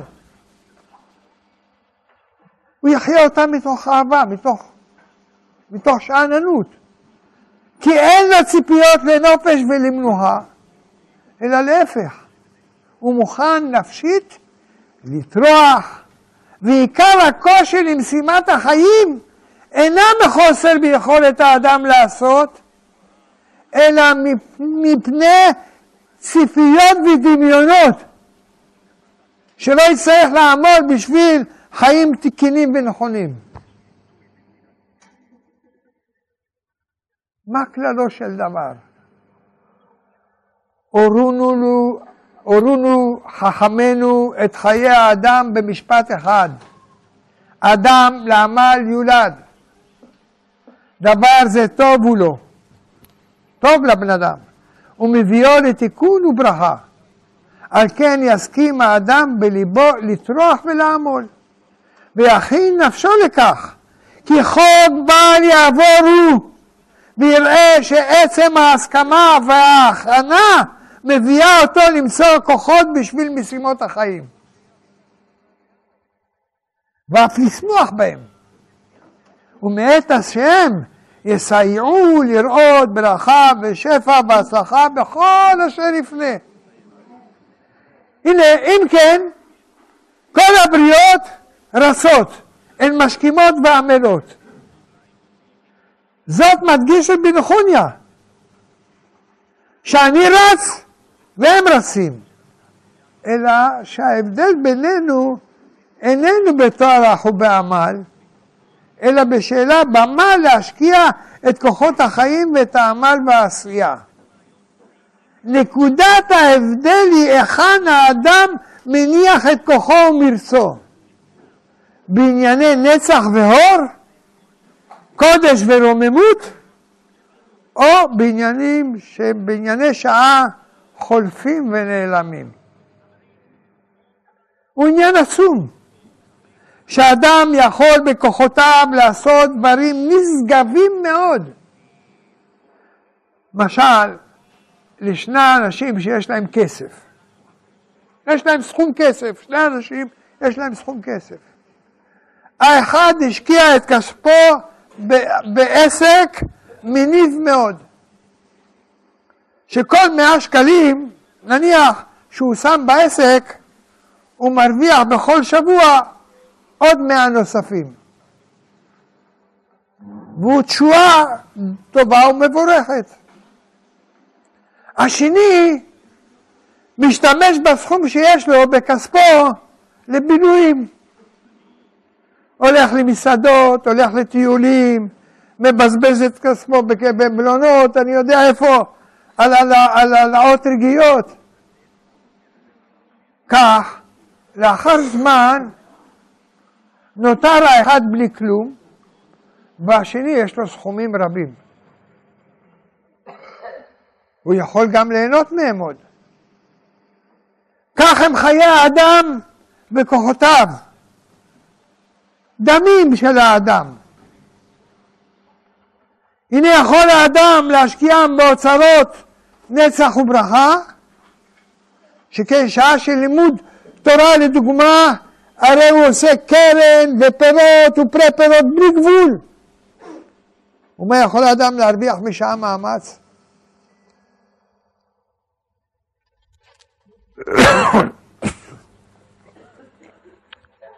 אז זה הודעה לשם, עד שזכה להשקיע חייו בקודש. על כן היה מודה רבי נחוניה בן אקנה על זה שזכה להשקיע את כוחותיו בענייני נצח. להשכים לדברי תורה, וממילא לעמול ולקבל שכר באין גבול. לרוץ לחיי העולם הבא.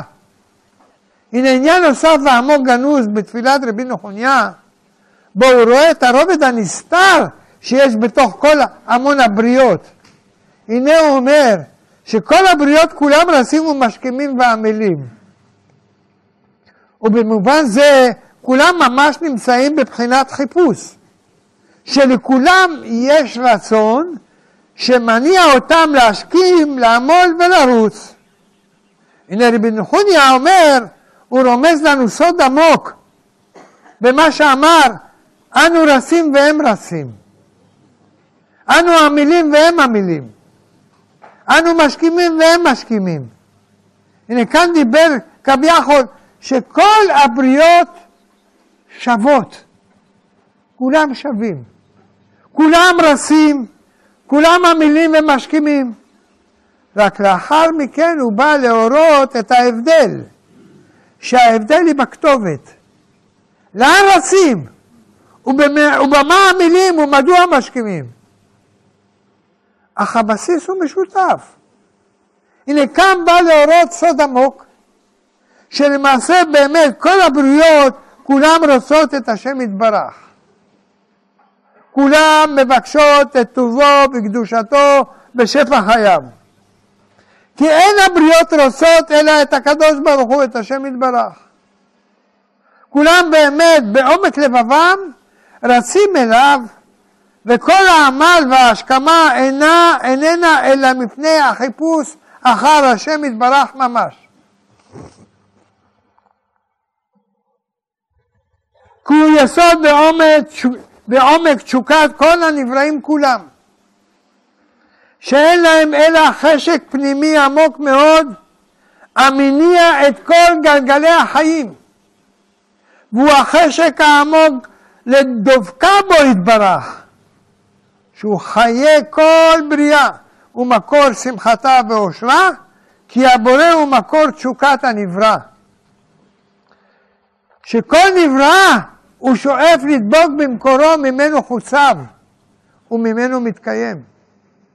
על יסוד זה בא רבי נחוניה בן הקנה להורות שכולם ממש רצים ומסכימים ועמלים. אנו והם, בלי הבדל כלל, אין שום הבדל. כי באמת, נקודת הקודש לעולם לא נפגמה, בשום בריאה. אנחנו דיברנו ויודעים שהנשמה לא נפגמת לעולם. היא חקוקה בעמקי לבב כל. ומושכת אותם בכוח עצום אחר השם יתברך.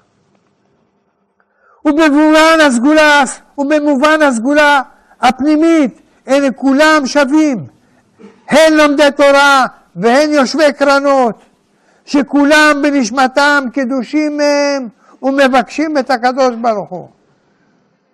אלא שהטעות של יושבי קרנות נעשית בפרשנות שהם מפרשים את תשוקת החיים ואת רצונם. הם אינם קשובים אל עומק סוד שיח נשמתם, עומק רצונם בתוכן, בתוכן תשוקתם. על כן מפרשים זאת כתשוקה לכסף, לכבוד, למעמד, לנכסים וכיוצא בזה. על כן הם פונים ורצים לדברים האלו. דברים ביטיליים חסרי כל, וטועים הם ללכת נגד טבע לבבם האמיתי. להשקות את סימונם הרוחני בחומץ ודלוחים, באר שחת, אשר לא תכיל מים חיים אלא מי ביצות. על לומדי התורה לקחת אחריות רוחנית על אחיהם. כל אחד מאיתנו צריך לקחת אחריות על אחינו. הנה כאן בא ומורה לנו רבי נחוניה, שבאמת נקודת הקודש בכל הבריות היא הכוח שמניע את כולם ממש. הוא בא ללמד את לומדי התורה להביט בעין עמוקה על יושבי קרנות. להבין שגם הם למעשה מחפשים ומבקשים אור ונצח, קודש ותורה, חיים וברכה ושלום. הם מחפשים. אף הם בנים המתגעגעים אל אביהם ורוצים בו, אלא שטועים בדרך קוצים וברקנים. ובתפילה זו לא התכוון רבי נחוניה חס ושלום לזלזל ביושבי קרנות ולהזניח תיקונם. זה תבינו, כל גומרי המסכתות שאנחנו אומרים את, ה, את האמרה הזאת. תבינו למה הוא התכוון. אם לא, אז עכשיו הזמן לדעת.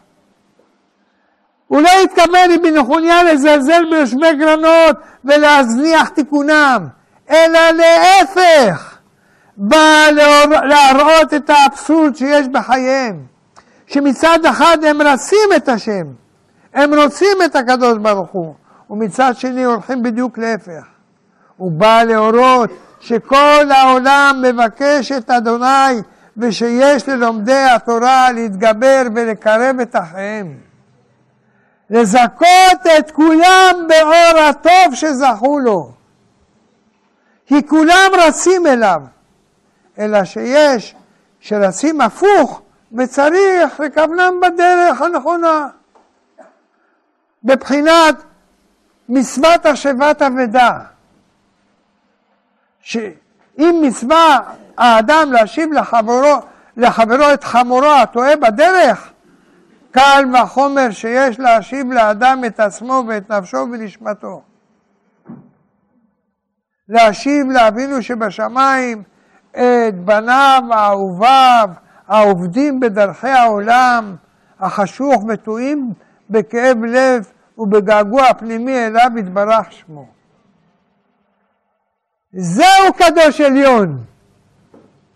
זה רבי נחוניה בן הקנה, שהרים על נס את קדושת התורה וחשף את עמקי הקודש שבכל הבריאה ממש, והראה את התשוקה של כל ניצוצות הקודש בכל מקום שהם, לשוב אל מקורם, לשוב אל ביתם, לשוב לעילא לעילא, כי כולם רצים אל השם יתברך. אשר לא נאה ולא יאה לחבר תפילה עצומה ונוראה זו. תפילת אנא בכוח, המיוסדת על העילוי של העולם כולו. השבתו אל מקורו לעילא לעילא. כי זוהי תפילה של אנא בכוח שחיבר אותה רבי נחודיה בן הקנה. תפילה שבאה לרומם ולהרים את כל העולם וכל נפילותיו אל מרומי הקודש. שם מ"ב דאנה בכוח, שהוא מורה על העלאת ניצוצות הקדושה למעלה, אל התיקון השלם. אין קץ למעלתה ולרוממותה של, של תפילת אנה בכוח.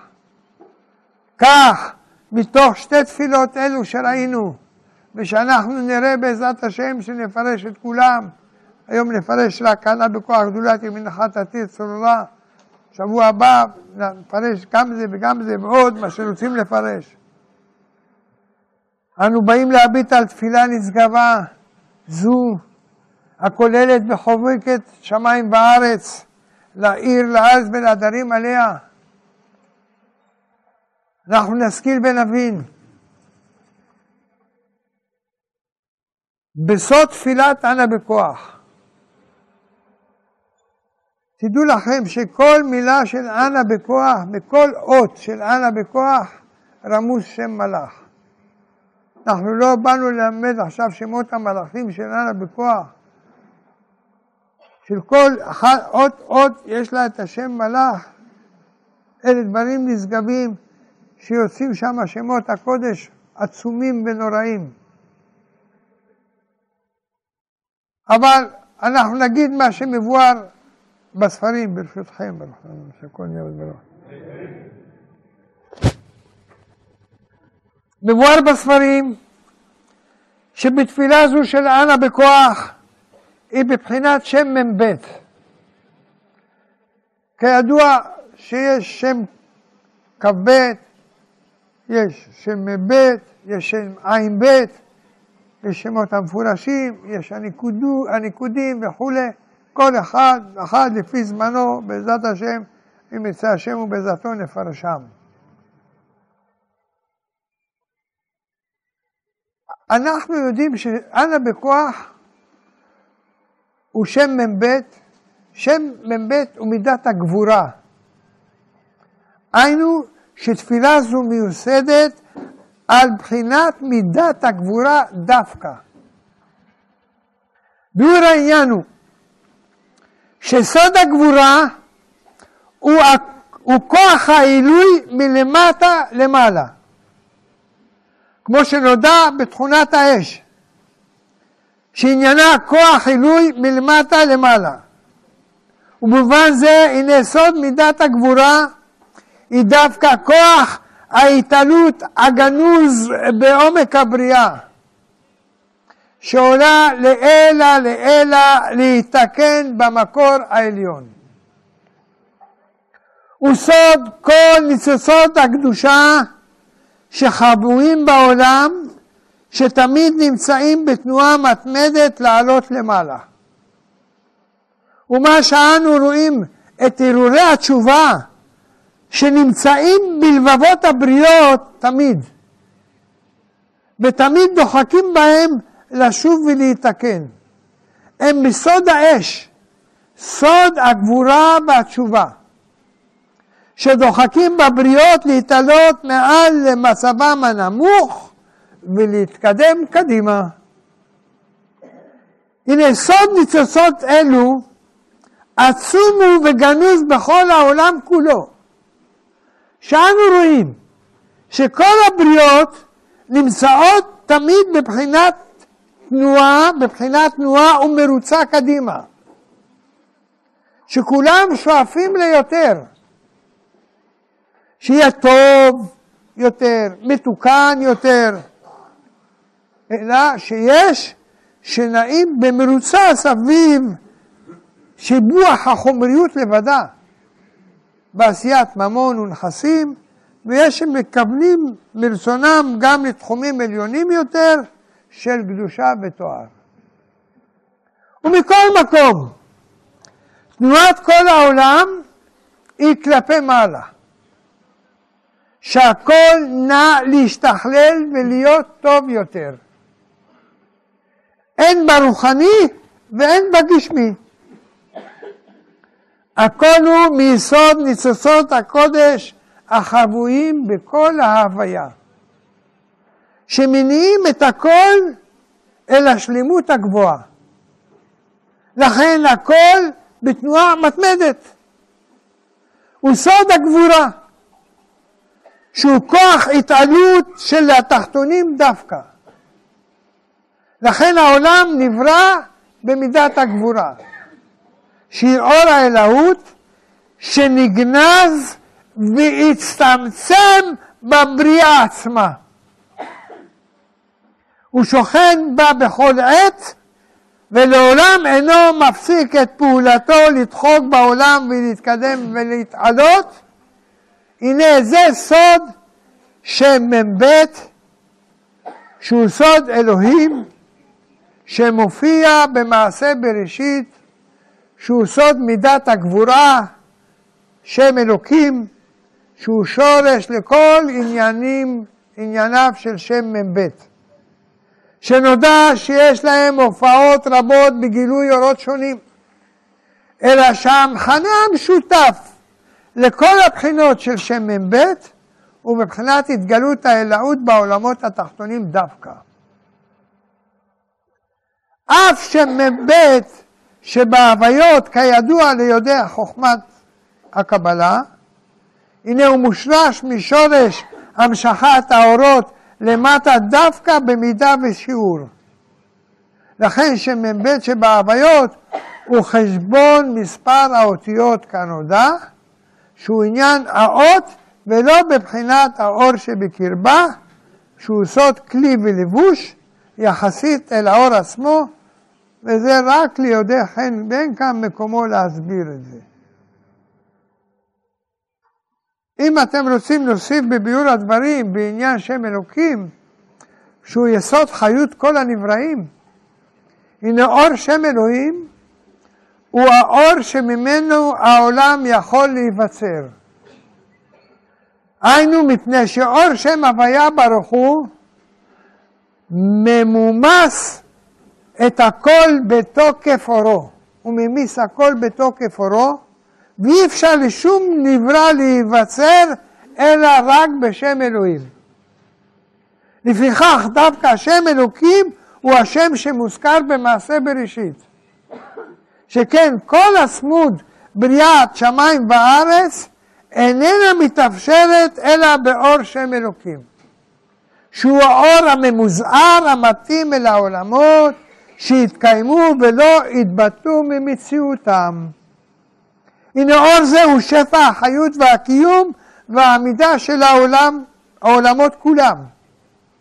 הנה במעשה בראשית מופיע השם אלוקים שלושים ושתיים פעמים, לב פעמים, שהם שורש כל העולמות כולם.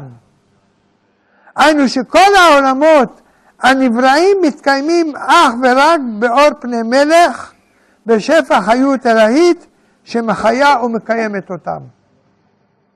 וחיות זאת נמשכת משמותיו יתברך, שהם המחיים ומקיימים את העולמות, והנה שורש כל חיות העולמות נעוץ בשם אלוקים, היינו בלב פעמים שיש שם אלוקים מופיע במעשה בראשית.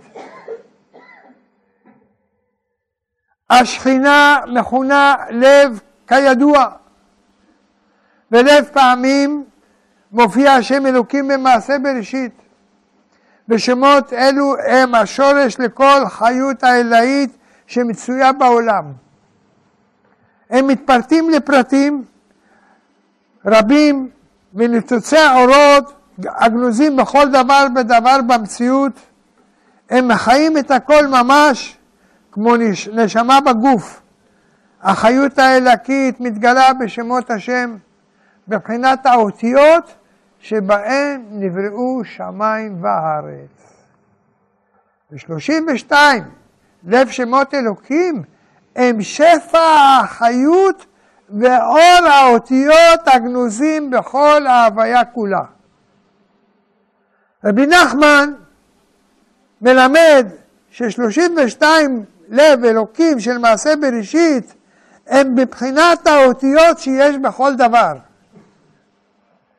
שכולם נמשכים מבחינת לב אלוהים של מעשה בראשית. וכך כתב רבי נחמן בליקוטי מהר"ן, והבאתי את לשונו. כי בכל דבר יש בו צירופי אותיות, שבו נברא זה הדבר.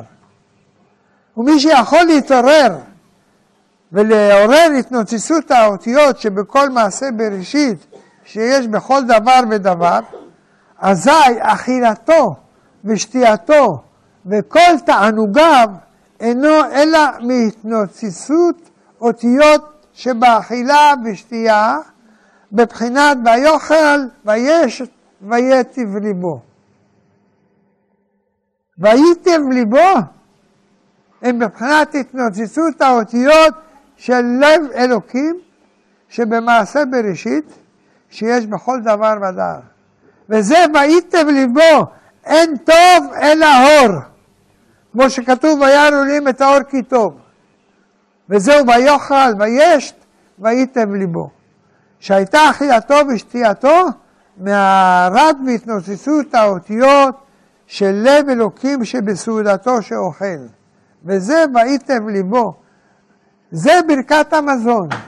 אם אתם רוצים לראות את זה, אתם יכולים לראות את זה בזוהר ויקל, בדף רי"ח, ומדרש רבה, רות פרשה ה', שם אומר, ויאכל וישת וייטב ליבו בועז, שהייתה אכילתו ושתייתו מתנוצצות האותיות שיש באכילה ושתייה, שזהו בבחינת ברכת ברכות המזון. כי המזון יתברך על ידי שלמות לשון הקודש, על ידי שמעוררין ומעוררין ומאירין את האותיות שיש בכל דבר, ומשם צריכים שתהיה עיקר האכילה ושתייה בשאר התענוגים כנ"ל. וכל חכם פשוט יכול לדע האותיות שבו נברא הדבר הזה שאוכל.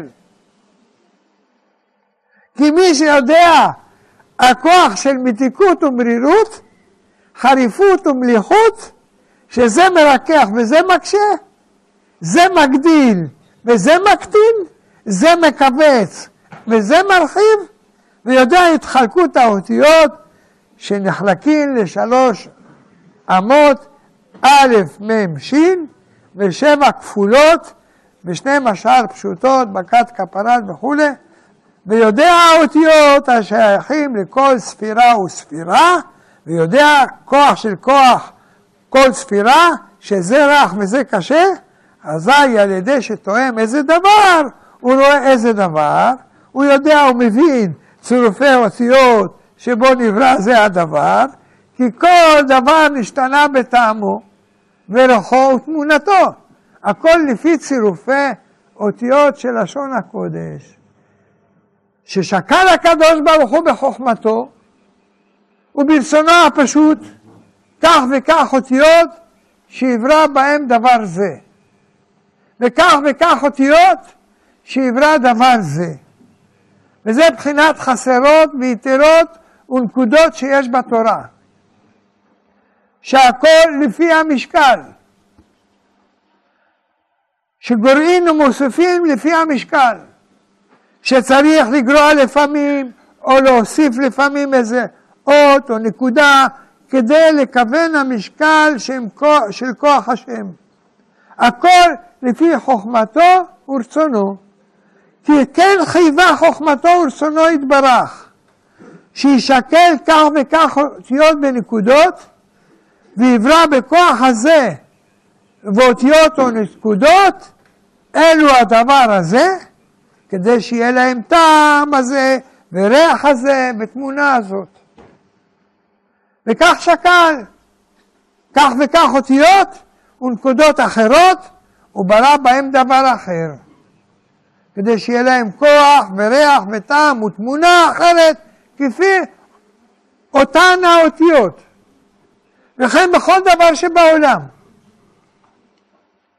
ומישהו חכם לבד, יכול להבין כל זאת בחוכמתו, שידע האותיות שיש בכל דבר, כנ"ל, אבל שירגיש ויתענג רק מהצירופי האותיות בבחינת ויאכל וישת, כנ"ל. זה אי אפשר כי אם למי שהביא שלימות בלשון הקודש והביא התנוצצות חדש בלשון הקודש של כל דבר.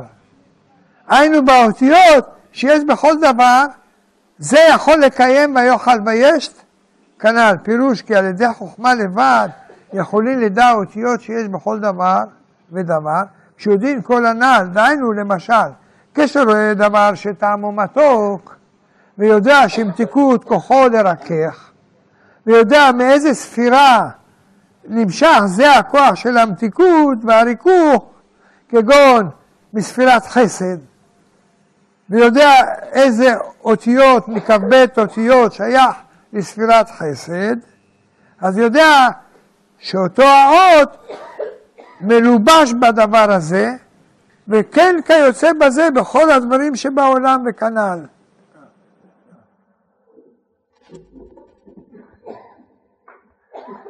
אבל אף על פי שהוא חכם גדול כל כך, שיודע כל זאת בבירור, שיודע שהאותיות שיש בכל דבר, שצריכים לזה להיות בקיא גדול מאוד בכל חוכמת האמת, שהוא חוכמת הקבלה, ובכל חוכמת הטבע והיסודות.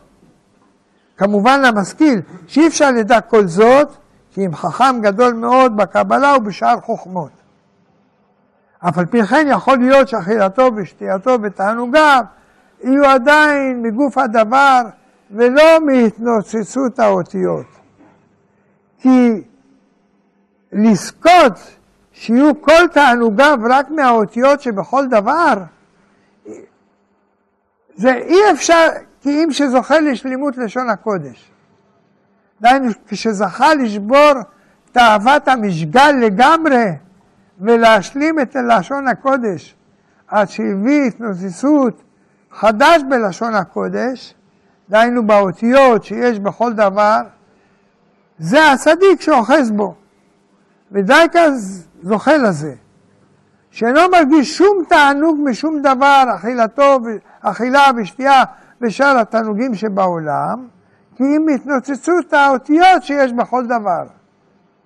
אשרי לו, וזו בחינת ומציון יסדקה, כמו שאמר דוד המלך, ומציון יסדקה, שיהיה סעודתך, היינו האכילה והשתייה בכל התענוגים, מציון, וסימן האותיות המציינים ומסמנים כל דבר.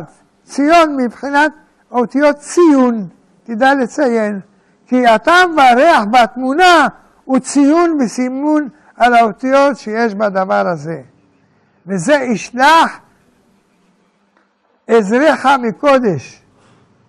עזריך זו בחינת אעשה לו עזר, מבחינת חווה, היינו לשון הקודש כנ"ל. וזה מקדש מבחינת לשון הקודש. ישלח עזרך מקודש.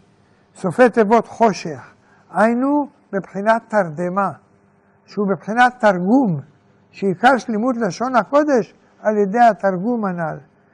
כשיש לו שלימות הזה, על ידי זה הוא מציון יסדקה.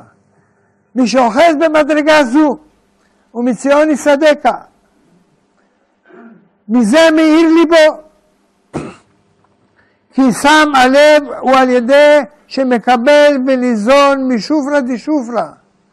משלושים ושתיים לב אותיות של מעשה בראשית, שמבחינת האותיות שיש בכל דבר ודבר, שכולם נמשכים מבחינת לב אלוהים של מעשה בראשית, ועל ידי התנוצצות האור שמקבל הלב מלב אלוקים כנ"ל, על ידי זה נוצץ פניו באור הזה, מבחינת לב שמח, ייטב פנים.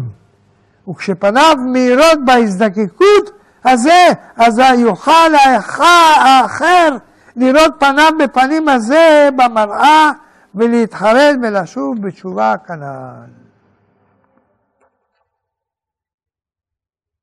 סוד מ"ב ספירות ואותיות.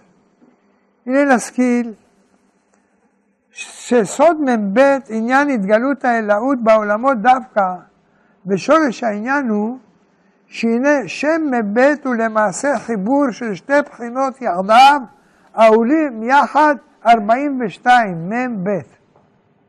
הם סוד הספירות, שהם הם האורות הזכים העליונים שמהם הכל נברא ונוצר. והספירות הם עשר כנודע, סוד עשרה מאמרות בהם נברא העולם. הנה הספירות הן מלמטה למעלה ומלמעלה למטה, שיש בבחינת שפע הבא מלמעלה הוא עשר מלמעלה למטה, ויש בחינות עילוי האורות מלמטה למעלה, שהוא עשה מלמטה למעלה, לכן עולם יחדיו בבחינות עשרים. הוא סוד כף של כתר, הכולל אורות עולים ויורדים, כמו בבחינת סולם יעקב, והנה עם חשבון עשרים הספירות יחדיו באים סוד האותיות שהם כ"ב אותיות, וביחד תעשה עשרים ועשרים ושתיים, עולים ארבעים ושתיים שהם מבית.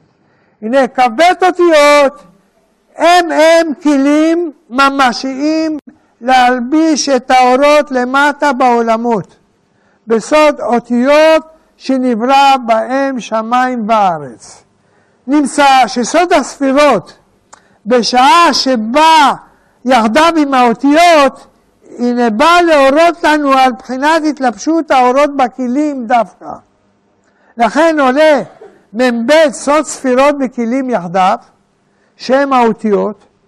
הנה יש להשכיל שיש חשבון נוסף שהוא סוד עשר ספירות עם כ"ב אותיות.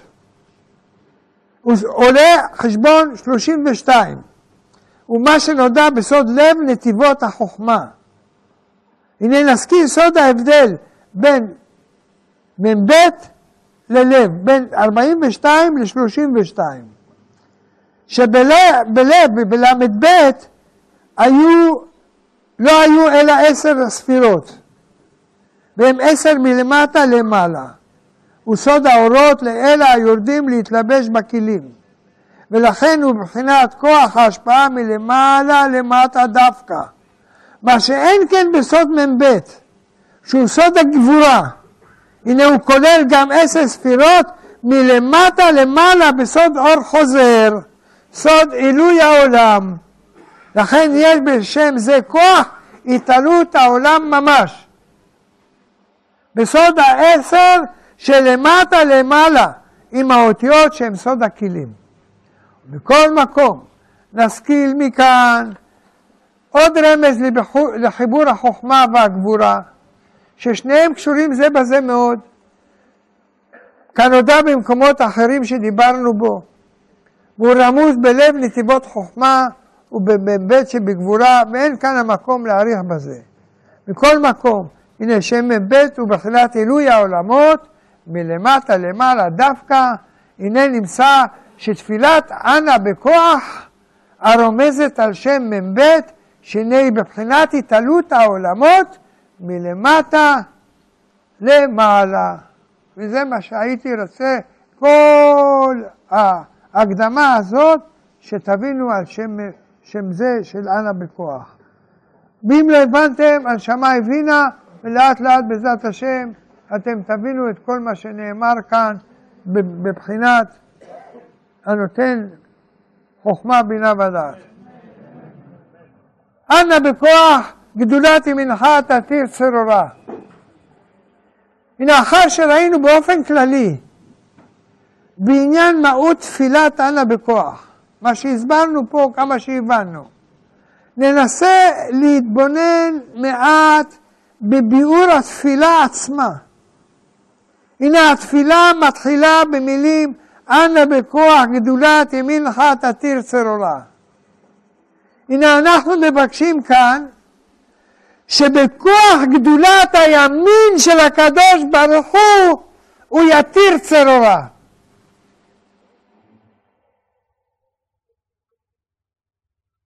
ישחרר דבר צרור ומוגבל. מובן? צריך לחזור? יש לנו להבין זאת. ראשית כל, אנחנו צריכים להבין מהו גדולת ימינך. הנה ידוע הדבר שהימין הוא מידת החסד. הוא עצם הרצון העצום של הקדוש ברוך הוא להיטיב לנבראים כולם.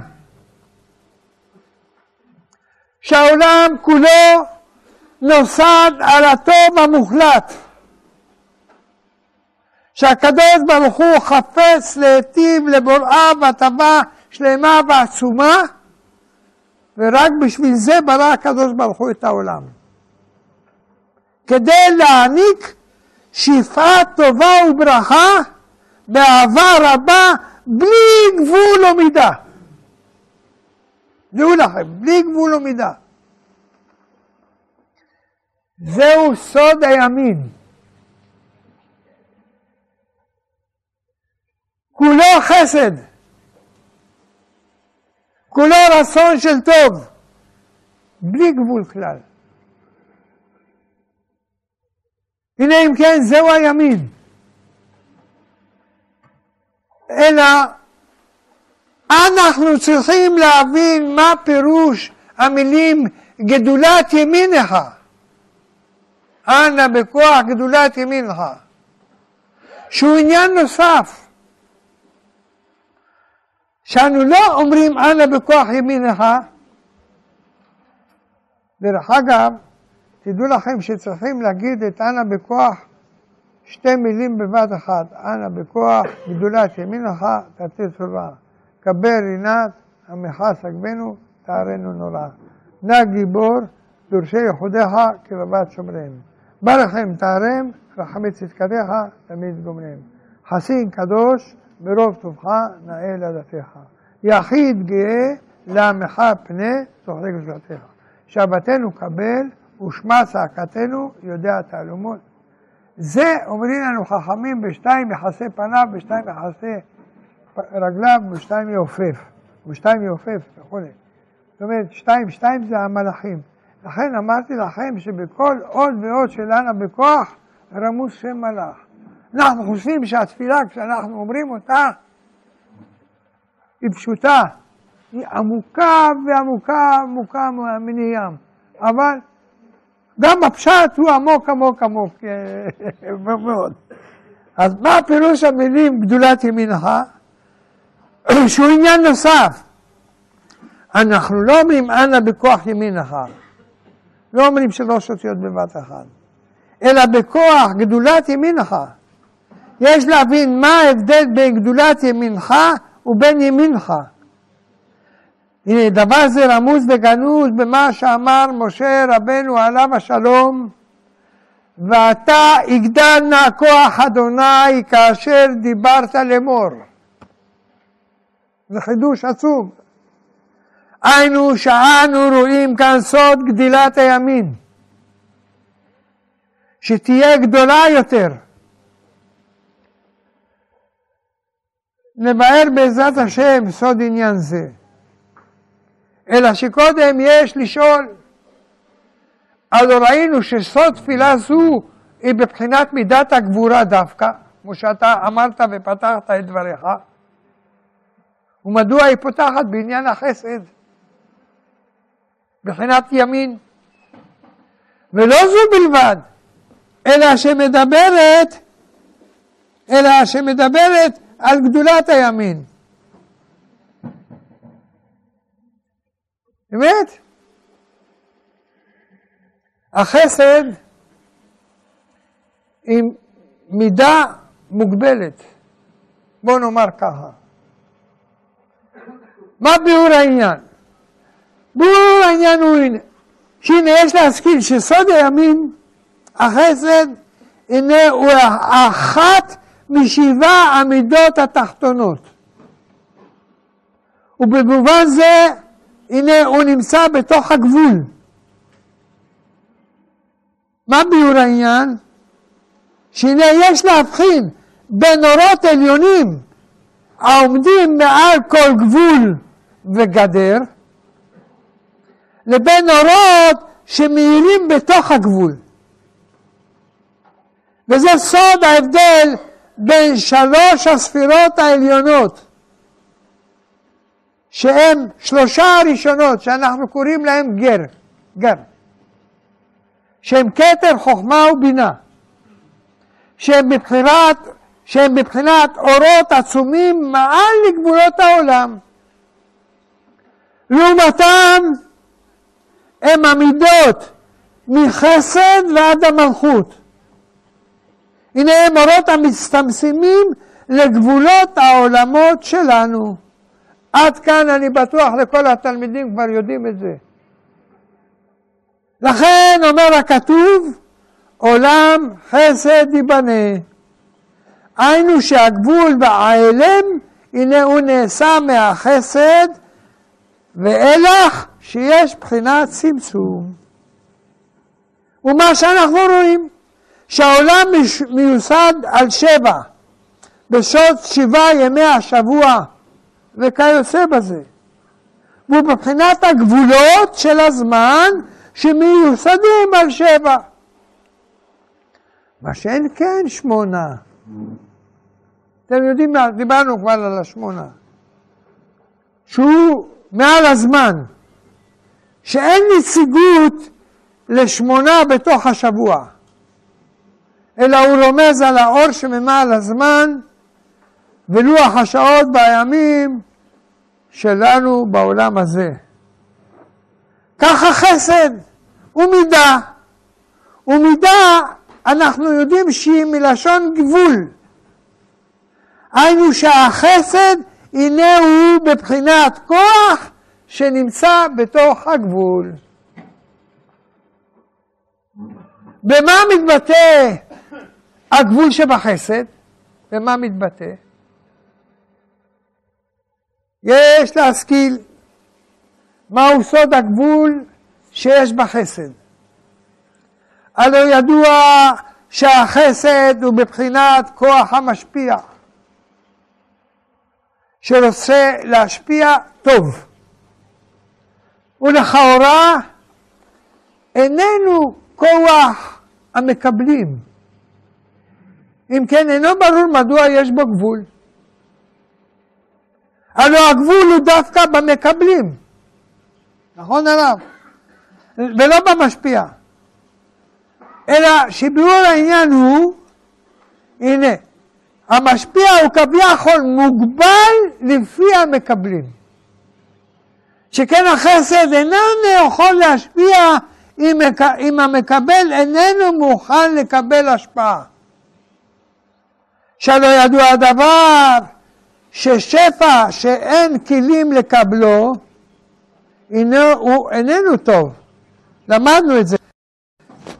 על הכלים עם האורות, ועלול להסיק, כמו ילד שמקבל כספים רבים מאבא שלו, ואין לו כוח לנהל אותם בעצמו, שעלול ליפול מרוב העושר. הוא שפע שהופך לפשע, חס ושלום. מה אני רוצה להגיד בכללו של דבר? אי אפשר להשפיע טוב בלי הכנת המקבלים. לכן, הנה המשפיע, אף שיש לו רצון עצום להשפיע בלי גבול ומידה, הנה לא יוכל לעשות את עומק רצונו אם המקבל איננו מוכן. בסופו של דבר, הוא צריך להשפיע על המקבל אך ורק לפי מידת יכולת קבלתו. מה ראינו בזה? נמצא שכביכול גם המשפיע מוגבל לבחינ... לבחינת הכלי. שכן הוא רוצה להעניק טוב. וברור לו שלתת שפע כשאין כלי, אין טוב כלל. נמצא שהחסד מוגבל, הפוך.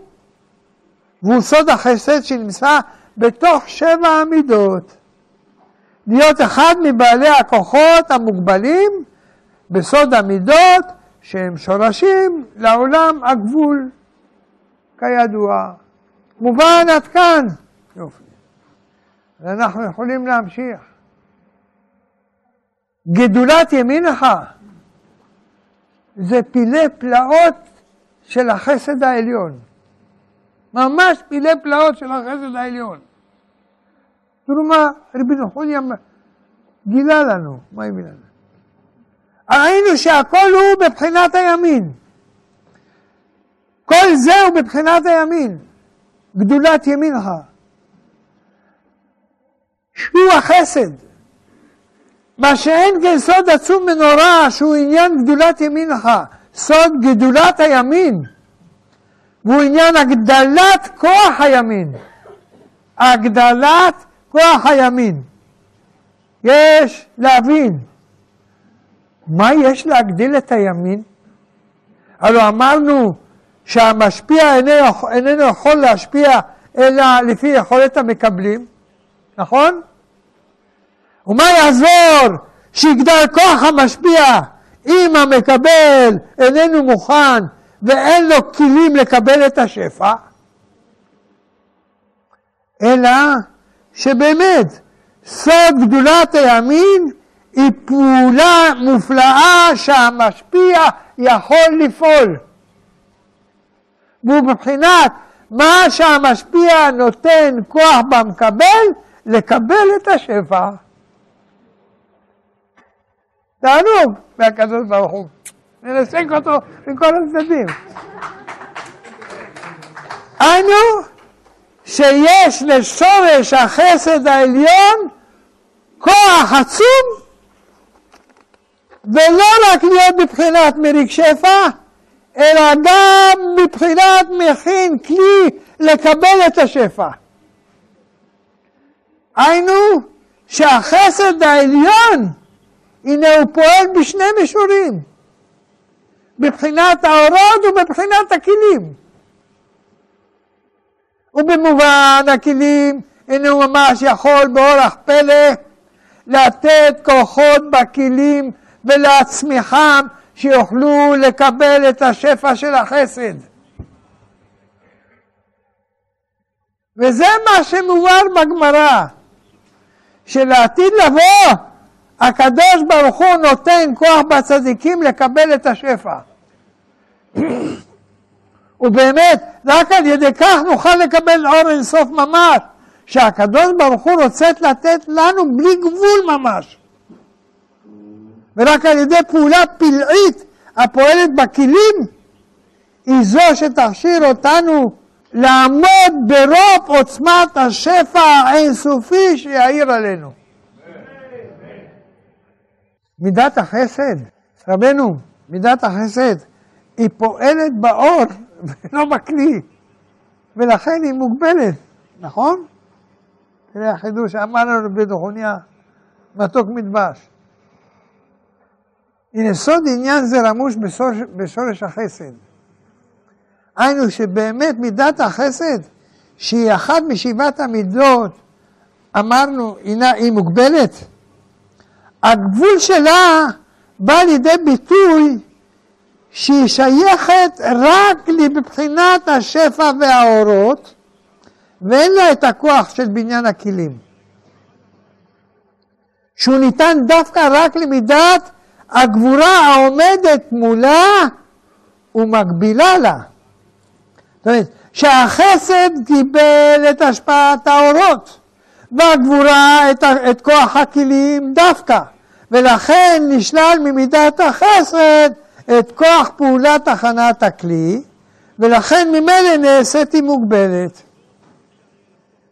שכן, אם היה לה יכולת לפעול ולבנות את הכלי, הרי שהייתה יכולה להשפיע בלי גבול. שאם כן, אם לא יהיה המקבל מוכן, הנה היא תוכל להגביר כוח הכלי של, שלו, שיוכל לעמוד ברוב, ברוב השפע. וכך תשפיע בו רצונה בלי גבול. והנה אנחנו ראינו שמידת החסד היא נמצאת בבחינת הגבול, בסוד שבעת המידות התחתונות. אלא שבאמת נשלל ממנה הכוח העצמי של, של הכלי, העצמות של הכלי. לכן אינה יכולה להשפיע אלא לפי מידת הכלי ולא יותר. עניין צמיחת הכלי ניתן למידת הגבורה דווקא. והוא נמסר למקבלים דווקא.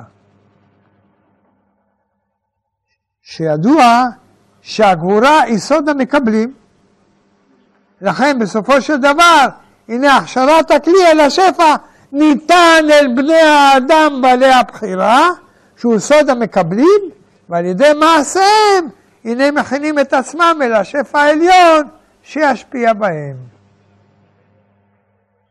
החסד העליון הוא שולט על האורות והכלים יחדיו בלי גבול. אם כן, זהו מידת החסד בתוך שבעת המידות. שהיא כביכול מוגבלת לעניין השפע ולא לעניין הכלים.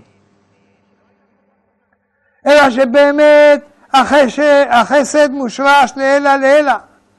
שהלא הקדוש ברוך הוא ביסוד בריאת הכל, עוד קודם שנוצר כל גבול בצמצום בכל עולם, בכל נברא, בכל דבר, אינו ביסוד הכל היה אור אינסוף פשוט.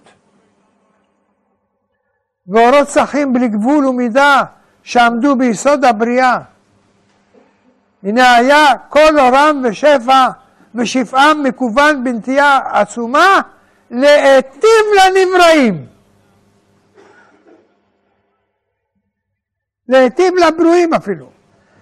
שהוא רצון עצום לגבול ומידה כלל. והרצון להשפיע טוב הוא בוודאי יסוד הכל, עוד קודם כל הצמצומים. ומה שנודע, שהכתר כולו טוב ואור ברכה. חסד פשוט, בלי גבול ובלי צמצום. הוא מלא טוב תמיד לעד ולעולמי עולמים. בכל רגע ברגע. אינה הילאה דכל החיוורה, כל חייך תדירה, בלי גבול ומידה, טוב אינסופי, המושפע ממנו יתברך. אם כן, נמצא שמידת החסד, אף שהיא מוגבלת בפועל, הנה מצד שורשה היא שייכת לרובדים עצומים שממעל הגבול ממש, שאין שום גבול יכול לשלוט בהם. הנה במובן זה, הרי שהכוח אינסוף יכול לפעול בלי גבול ומידה, כמו שהוא יכול לפעול על השפע, להשפיע בלי גבול. הנה גם הכלים אינם מגבילים אותו יתברך, שהוא ברוממות רצונו הכל בלי גבול. הנה יכול לפעול על הכלים כמו על האורות, ויכול להכין את המקבלים שיוכלו לקבל שפע טובה אף שאינם מוכנים מצד עצמם.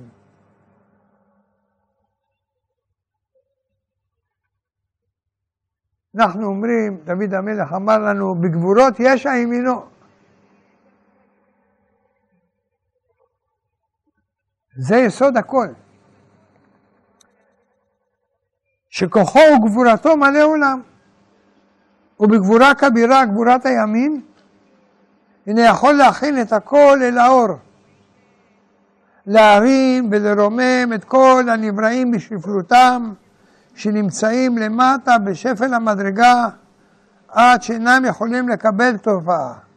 והם בגבורות ימינו יכולו יתברך להרים את הכל אל הטוב. והוא סוד כוח הימין דווקא, שמטרתו להשפיע, אלא שהוא ימין הפועל בשמאל. מה הפירוש? כמו שאנחנו אומרים בסוד, בגבורות יש הימינו. מבינים את הפסוק, בגבורות יש הימינו. שהימין מושיע. שסוד הישועה הוא תמיד מבחינת הכנת הכלי דווקא, שהמשפיע מוכן להשפיע, אלא שאין הכלי מוכן. בסוד הישועה הוא בבחינת הכנת הכלי. אלא שלא נעשה מוכן על ידי המקבלים, אלא מפילי פלאות הבורא יתברך שמו. הפלא ופלא. הנה הוא פועל בכלים ממש, ומכין אותם אל השפע. והוא סוד ועלו מושיעים. ועלו מושיעים. עולה חשבון שמעון, ככה בא, שמעון, שהוא מידת הגבורה. כנודע לעומת ראובן שהוא חסד. ועלו עולה חשבון, יעננו ביום קוראנו, 112. ועלו מושים בעל ציון לשפוט את הר עשיו. ככה אומר לנו עובדיה הנביא. סוד שם הוויה המאיר בשם אלוקים ביחד דווקא עולה 112. יעננו ביום קוראנו, יבוק. היינו שהוא המשכת הימין והחסד בסוד הוויה דווקא אל השמאל בסוד שם אלוהים. הבנתם זה? הנה זה סוד הישועה, שהוא עניין הפעולה בכלי דווקא. אך על ידי המשפיע שמסייע למקבל בהכנת הכלי. כמו אדם התובע, לא עלינו בנער, הוא מרים ידו למושיע, שבא ומרימו מהמים. אם הוא לא ירים את היד, קשה לו להרים אותו. הנה, הוא פעולה בגוף האדם מבחינת הכלי, אלא שהוא נעשה על ידי כוח עליון שבא להרימו. משל יפה? הוא סוד ימין אדוני רוממה, ימין אדוני עושה חיל. שהחיל הוא סוד המשכת האור לבנות את הכלים. שבן איש חי הוא סוד הדוכרא, סוד המשפיע, מה שאין כן חיל, שהוא סוד אשת חיל, שהוא הוספת למד לחי. שעליו מדיאנו כבר בסוד לבנה, כפי שדיברנו בזאת בתעללי חיים בספר בראשית, תסתכלו שמה. נמצא שחיל הוא סוד הנוקבה, שהיא חיות, אך מתלבשת בתוך העולמות, סוד הנוקבה. והנה הכתוב מלמד אותנו שימין השם היא העושה חיל. סוד החסד שפועל בנוקבה ממש.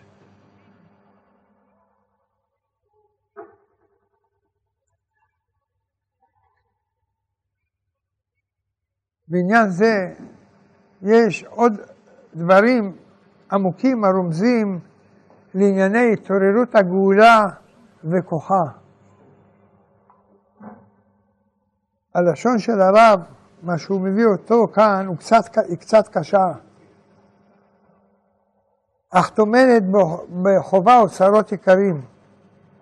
לכן לא התעצלתי להביא את לשונו של הרב קוק שראיתי באיזה ספר, והבאתי את לשונו כאן. הכניסה אל עושר החיים של היחיד ושל הכלל לא תהיה נגמרת בחפץ הדין לבד. להשתמש עם הכוחות המרוחשות כבר או המנוחלות מנעז לטובה, כי אם כשהרצון הטוב יטמא כל כך וישלח פירותיו ויעמיק שורשיו, עד כדי התגברות כוח החיים לרכוש עוד הרבה אמצעים וכוחות כדי להוציא על ידם אל הפועל את אותו עושר החיים המבוקש של חפץ הטוב והדין והקדוש, איש חיל, זה מובן הצדק החי. שמתהפך אז לכוח פועל ומהווה, פועל ומהווה, אין שום ישועה שלמה באמת, כי אם אותה שאנושה פעל להופעתה בפועל ידיו. וזהו יסוד הצדק שבעבודת האדם, רכישת כוחות וסידורם למטרות החיים היותר עליונים ומקודשים. כשהחיים הכלליים באים לידי מדרגתם הגבוהה, מתעוררים כל הכוחות הכלליים. וכל הסביבה העולמית, המעשית והרוחנית הנוגעת בהם. וכל המקורות העליונים שמהם הם צומחים ועולים לפעול ולעבוד בסוד היצירה של הישועה. ישועת הכלל וישועת העולם, אור השם המופיע על עוז חיל, על הצדק המחדש המהווה, זה תוכן מיושר מאור הקודש של הבריאה. התהוות העולם וכל אשר לו מאותו החפץ הקדום. המלא עוז, המעוטר בגבורה בכל אור קודשי קודשים, עדינות הטוב, החסדים הנאמנים עדי עד. עתה ידעתי כי הושיע אדוני משכו, יענהו משמי קודשו בגבולות ישע ימינו. וכל יסוד צפיית הישועה הבאה מתוך פלפול החוכמה המנוחלת, חוכמת הרזים, שאורו של מסיח גנוז בו, ורוחו של אליהו המבשר והמקנא, ציר העולם והתעודדות הוודאית, נוחה בה היא-היא יוצרת את הערכים של החיל, של רכישת הכוחות וריכוזם למטרת העושר העולמי הכללי. שכל עושר, שכל, של כל נקודה ומציאותה בתלוי, זאת היא הופעת הכוח היוצר את הוויית הגאולה בכל דרגותיה ובכל מדרגותיה. והבינה הפנימית בסדרי מהלכיה הכמוסים, מתחתית העומק ומהתרחקות המוחלטת של כל הסעיפים המנוגדים לה, שהם באמת עוזרי עד הקירוב המותאם של כל הכונניות המורגשים בכל אורחות הסקירות שהם קרובים לה ותומכים את חילה, אשת חיל עטרת בעלה, ורחוק מפרינים בכלה, בטח בלב בעלה ושלל לא יחסר, ילכו מחיל לחיל, יראה אל אלוהים בציון.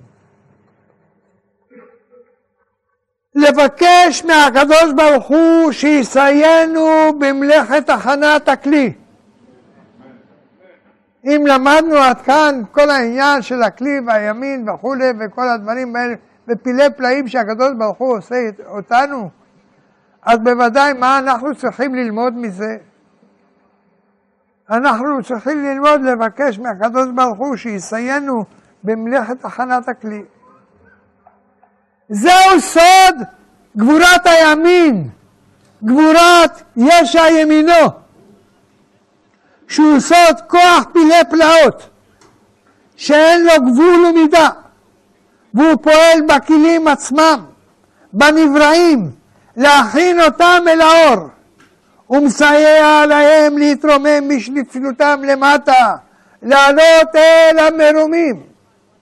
אף שבדרך כלל ניתנת מלאכת הכנת הכלים אל הנבראים, שכל אחד צריך לתקן את עצמו ומידותיו ומעשיו, שהוא בבחינת הכנת הכלי אל השפע, הנה ניתן לעם ישראל סגולה חמודה מאוד. להיות פונים אל השם יתברך, להיות פונים בתפילה, שיהיה הקדוש ברוך הוא משתתף עמנו במלאכת הכנת הכלים אל האור, והוא יתברך יהיה נענה לקריאתנו, לסיינו במלאכת הכלי אל הכנת הכלי אל האור, תיקון הבריאה כולה, והבריות כולם שיהיו כלים ראויים אל השפע העצום. וזהו סוד גדולת ימינך. זה החידוש שרצינו לחדש, בעזר השם. שאנו באים לעורר את החסד משורש שורשו העליון, סוד גדולת הימין, שפועל לא רק באורות, מבחינת המשמיע, אלא גם בכלים, מבחינת המקבלים. והוא שאמר משה רבנו, עליו השלום, זכותו יגן עלינו, שבשעה שחטו ישראל, רצה הקדוש ברוך הוא חלילה להתפרע מהם, עד שלא יהיו ראויים כלל לשפע. הנה בא משה ראיה מאמנה, ועורר כוח עצום ואדיר של טוב אינסופי, שיהיה פועל גם בכלים, בעמקי נפשות בני ישראל, לתקנם ולהכינם אל האור. בסוד ועתה יגדלנה כוח אדוני. יגדלנה. סוד הגדלות, הכלי דווקא לקבל את השפע העליון. ואנה בכוח גדולת ימינך. מה נשאר לנו לסוף הפסוק? תתיר צרורה. הנה זה ממש מה שאנחנו אומרים בתפילה הנוראה הזאת. אנא, אנא השם אלוהינו, יודעים אנחנו שאתה רוצה להיטיב לנו בלי גבול ממש, ורצונך להריק עלינו ברכות עצומות. יום יום יעמוס לנו, להעמיס עלינו ברכות וטובות בלי גבול ומידה, אלא שאנחנו מוגבלים ביכולתנו בקבלת הטוב, הנה מדודה ומצומצמת היא. על כן, אנא בכוח גדולת ימינך, בכוח של גדולת הימין, אותה ימין רוממה שפועלת בלי גבול ממש, שחודרת באורה הגדול לא רק בעולות, אלא גם בכלים. הנה בכוח גדולת ימין זה, אזי תבוא ותתיר צרורה.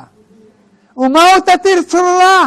הוא הגבול הכלי, הנבראים, שהם צרורים ומוגבלים בגבול הכלים הנמוכים, בגבולת הבריאה. ואינם יכולים לקבל רוב טובה מפני מוגבלותם וקטנותם. אזי תהיה אתה פועל מלילה, להתיר צרורה, להסיר מכשול ומגבלות, לפתוח צמצומים ומחסומים, להעביר חומות וקירות החוצצים בין ישראל ובין האור העליון, בין טובך הגדול שאתה רוצה להיטיב לנו, ותהיה אתה בעוצם טובך בלתי בעל תכלית וגבול. הנה תהיה אתה מסיר כל המחסומים ומשפיע עלינו כפי רצונך ממש, בלי גבול ומידה, על ידי שתיתן לנו כוח לקבל רוב טובה, בסוד תתיר צרורה. עכשיו אנחנו יכולים להבין שאלה ששאלנו, שאם זהו בגבורה, מדוע הוא מתחיל בגדולת ימינך? לא אמרנו ככה בהתחלה?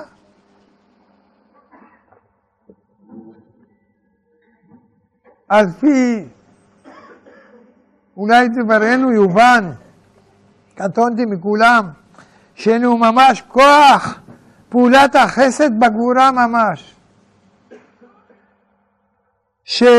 שהוא כוח החסד הפועל בכלים דווקא. להכינם אל האור העליון והדברים ברורים. תגידו לי שלא, ברורים.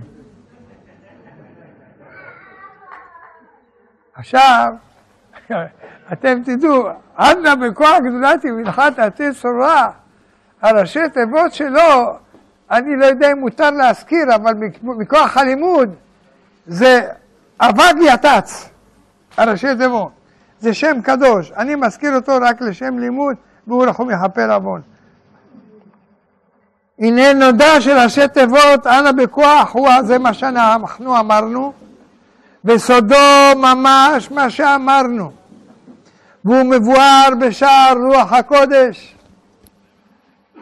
ורבנו הארי ורבנו מרחו אמרו את זה, שנודע שא' ב' ג' עולה חשבון ו', תעשו חשבון, א' ב' זה שלוש וג' זה עוד שלוש זה שש, וו' רומזת לכל גבולות העולם בסוד השבע קצוות, השש קצוות, סליחה, שנודע שעולם הגבול נמצא בבחינת שש קצוות. ארבע רוחות העולם, למעלה ולמטה, שהם כללות בחינות הגבול שיש בעולם. נמצא שא' ב' ג', אנא בכוח גדולת, שהוא סוד הגבול, הנה ימין לך תתיר צרורה, היו תו צדיק, ובבחינת נתיצה ושבירה. כשמו כן הוא, יתץ. היינו שבא לשבור בחינת גבול וצמצום שיש בבחינת הקצוות של העולם. אתם שומעים? סוד א', ב', ג', הוא מה שלימד רבנו הארי בייחוד של לנטוס כוח המקטרג שנעשה בכוח שם זה, שרומז באלף בית גימל על הגבול, ויטץ על כוח הנתיצה והשבירה ששובר את הגבול ומגלה את האור. הנה עוד עבדכם יציין הדברים המובאים בדברי רבנו מרדכי, זכותו יגן עלינו. אתם לא יודעים מי זה. בספר מעיינות חוכמה, מרדכי בוזגלו קוראים לו. היה מקובל גדול. והוא כתב, בלשון הזה, הוא כותב ככה, ודע ועבד כי שם בבית, אנא בכוח וכולי, ושם בן אב עין בית, הגנוזים בחוכמה, שם בן בית בחוכמה היא הנקראת בית דבראשית. באותיות בראשית, בית דבראשית. והיא בית דבראשית. היא הבית הראשונה של אותיות בראשית. מובן? כשתשוב מן בית דבראשית עד בית דבבואו, טוב, דבואו, תמצא 42 אותיות. תספרו שמה, תראו, מבית בראשית עד דבבואו יש 42 אותיות, ויוצא מהם שמות וצירופים אין מספר. ואמרו רבותינו ז"ל, בשם מ"ב ברא הקדוש ברוך הוא את העולם. ובא שלמה המלך וביארו היטב, השם בחוכמה יסד ארץ, אדוני בחוכמה יסד ארץ. הנני משתדל בכל עוז לפרשו כפי מה שיורוני מן השמיים. בדרך קצרה. אבל באריכות לא יכילו ספרים ומגילות לפרשם.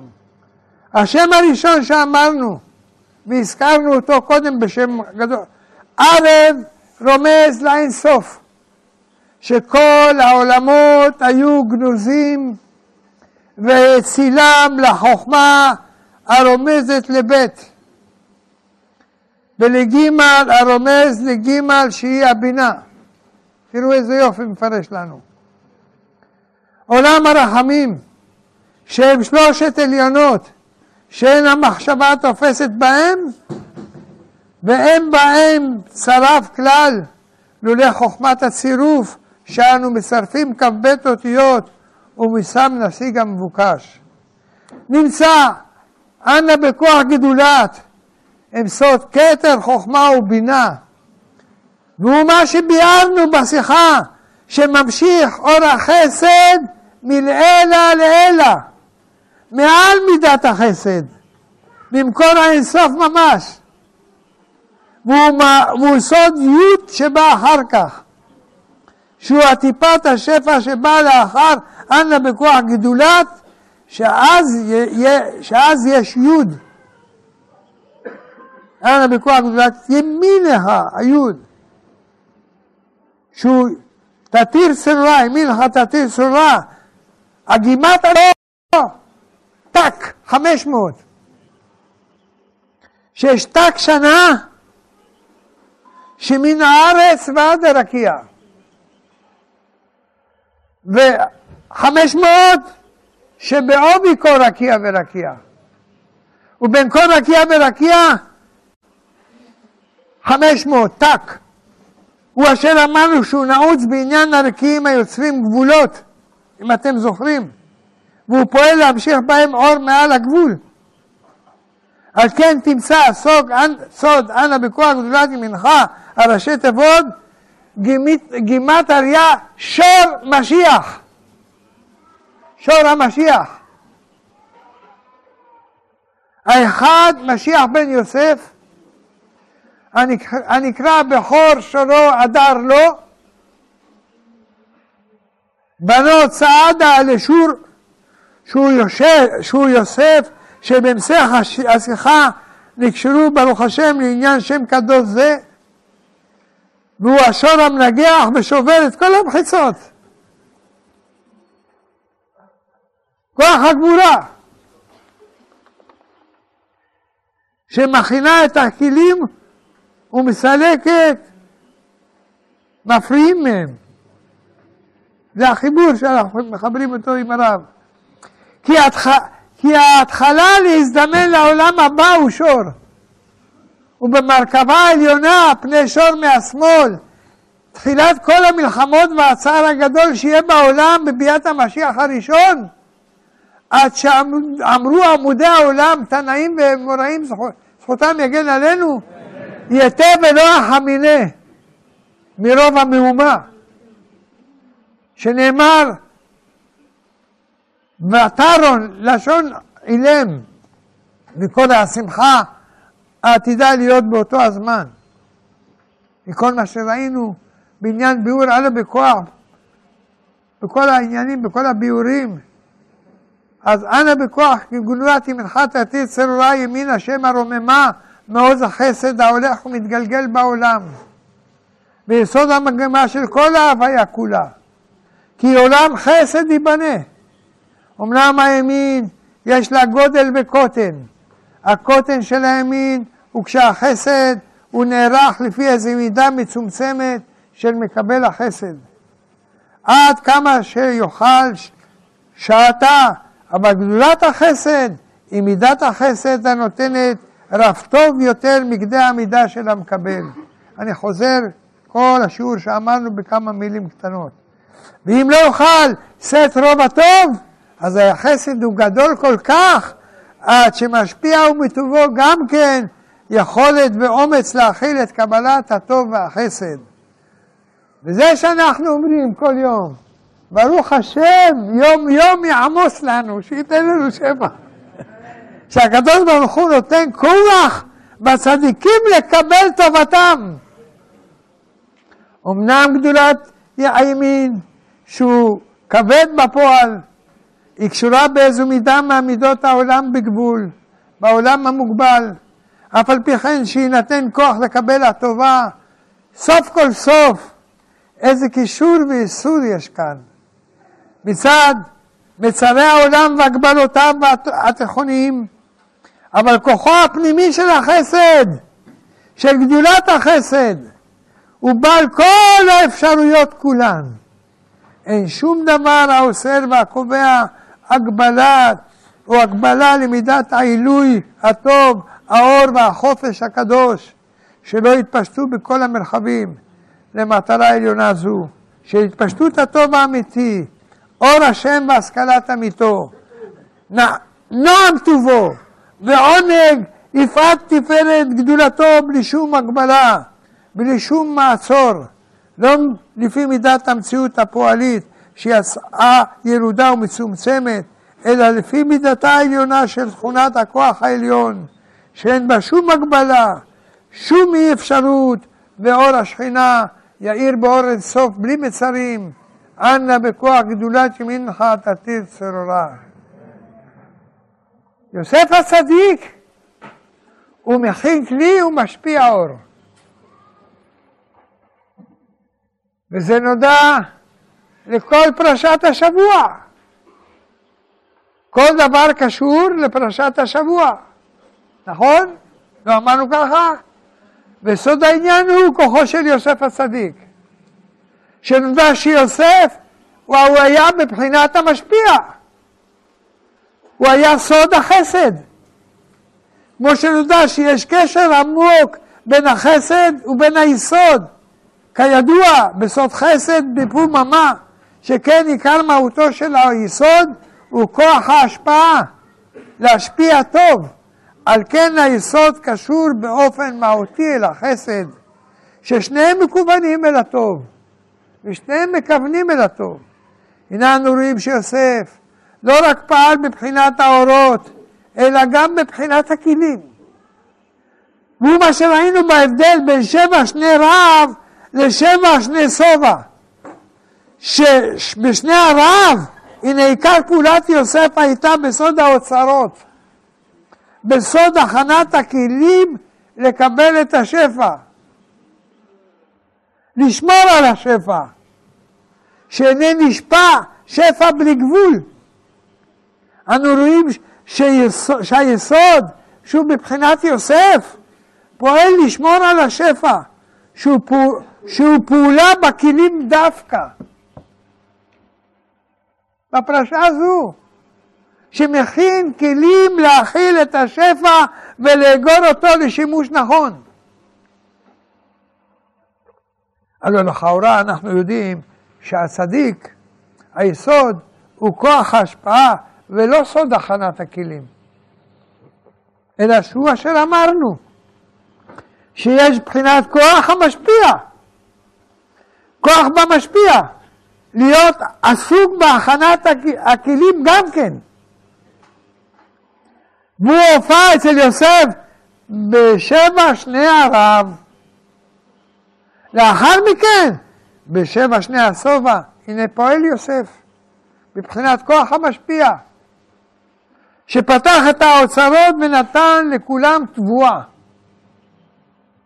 הוא המשביר לכל עם הארץ. הננו אם אנחנו בפרשה שלנו את כוחו של יוסף הצדיק, שהוא יישום החסד בעולם בסוד היסוד.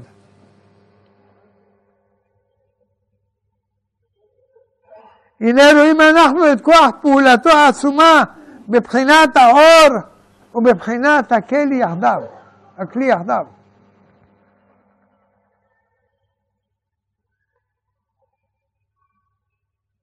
אור, אור עצום.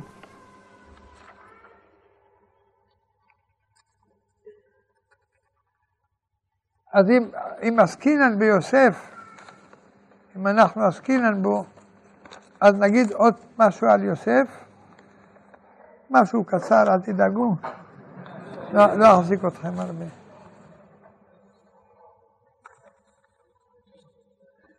אנחנו ראינו בפרשת מקץ, שאנחנו לא דיברנו עליה, אנחנו פתחנו בפרשת ויקש, אבל ראינו בפרשת מקץ, אומר, ויהי בבוקר ותפעם רוחו של פרעה, וישלח ויקרא את כל חרטומי מצרים ואת כל חכמיה, ויספר פרעה להם את חלומו, ואין פוטר אותם לפרעה. מה אומר רש"י כאן?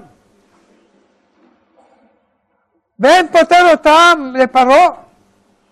פוטרים היו אותם, אבל לא לפרעה. שלא היה קולן נכנס באוזניו, ולא היה לו קורת רוח בפתרונם, שהיו אומרים לו, שבע בנות אתה מוליד, שבע בנות אתה קובר וכולי, רחמנא ליצלן. המפרשים ביארו טעמו של דבר. אני עבדכם מביא אותם פה. מדוע לא נתקבלו דבריהם באוזני פרעה? מפני שחלומו של המלך היא צריכה לעסוק בכלליות האומה. וזה שאומר ויהי מקץ שנתיים ימים. אם אנחנו נראה בהתחלת הפרשה, איזה לשון צער היה. הלא ידוע שיוסף היה צריך לשבת שנתיים ימים, ואחרי שנתיים ימים הוא יוצא להוראה, ונעשה מלך, שליט. אז איזה צער היה? מה זה ויהי הזה? מה החיבור פה? אלא הצער היה כשהמלך חולם, אני מביא את זה מדברי מורסקיני, סבא רבא, אומר, כשהמלך חולם, הוא לא חולם על עצמו, הוא חולם על האומה כולה. זה מה שרבי אליהו הכהן אומר. אז כשהוא חולם על האומה כולה, אז כולם בצער, ראו את החלומות שלו, אז, אז היה להם צער, וזה ויהי, וזה גם ויהי בבוקר ותפעם רוחו. כל ויהי הוא לשון של צער, וכל והיה הוא לשון שמחה. הם פתרו, זאת אומרת, הפרשים ביארו טעמו של דבר, מדוע לא נתקבלו דבריהם באוזני פרעה. אז מה שאנחנו אומרים, מפני שהחלומו של המלך צריכה לעסוק בכלליות האומה, ולא בחייו הפרטיים, והם מה, פטרו אותו בפרטיות שלו. ואינו מובן דיו, שהלוא בוודאי גם למלך יש חיים פרטיים, מלבד חייו הכלליים. איך מתברר לו לפרעה שהחלום זה עוסק בכללות האומה שלו? אנחנו נבהר לפי פשוטו, שלכל החלומות המוזכרים במקרא עד חלום זה של פרעה, הנה כולן עוסקות באדם החולם. עד כאן, עד שפרעה חולם, כל החלומות היו בו, רק החלומות על אדם שהוא חולם את החלומות. כפי שראינו בחלומותיהם של אברהם ויעקב, וכן חלומותיו של יוסף, שבכל אלו מרכזו של חלום הוא האדם החולם, וכל השאר הוא סביבו, כגון אצל יעקב שהסולם מוצב מראשותיו ומלכי אלוקים עולים ויורדים בו והשם ניצב עליו, וכן יוסף, שהכוכבים או האלומות משתחווים אליו, וכן חלומות שר המשקים ושר האופים, הנה כל חלומותיהם היו סובבים סביב עצמם. רק כאן בחלום פרעה, הנה כל מהלך החלום מתרחש ללא שום עסק לפרעה עצמו, שפרעה נשאר בעמדה של צופה מן הצד, ואינו משתתף בתוך החלום. אולי לכך היה פרעה בטוח שאין חלום זה עוסק בחייו הפרטיים, שהרי הוא עצמו כפרט אינו מופיע כלל באותו החלום. ואילו היה חולם חלום אשר אה, כולו סובב סביב עצמו, בוודאי היה אפשר שאותו חלום יעסוק בחייו הפרטיים. אכן מפני שכל חלום אינו מוזכר כפרט, לכן לא היה יכול לקבל פתרונם. ועתה ירא פרעה איש נבון וחכם, וישיתהו על ארץ מצרים, ויאמר פרעה אל יוסף, אחרי הודיע אלוהים אותך את כל זאת, אין נבון וחכם כמוך. הקשו המפרשים, מה ראה יוסף לייעץ לפרעה מה יעשה? מי ביקש זאת ממנו? הרי לא ביקשו זאת ממנו. ומסמני החכם שלא להשיב על מה שלא נשאל. עוד יש להקשות, מהו גודל החוכמה בזה? לאסוף משני הסבא לשני הרב? הרי כל אחד יש בכוחו להבין זאת, שאם יבואו שבע שנות השובע ואחריהם באות שבע שנות רב, יש לאגור משנות השובע לשנות הרב, ואיך אומר לו פרעה על זה, אין נבון וחכם כמוך. איזה חוכמה יש כאן? לא אמרתי לכם קודם את החוכמה, זה, זה גם לא חוכמה.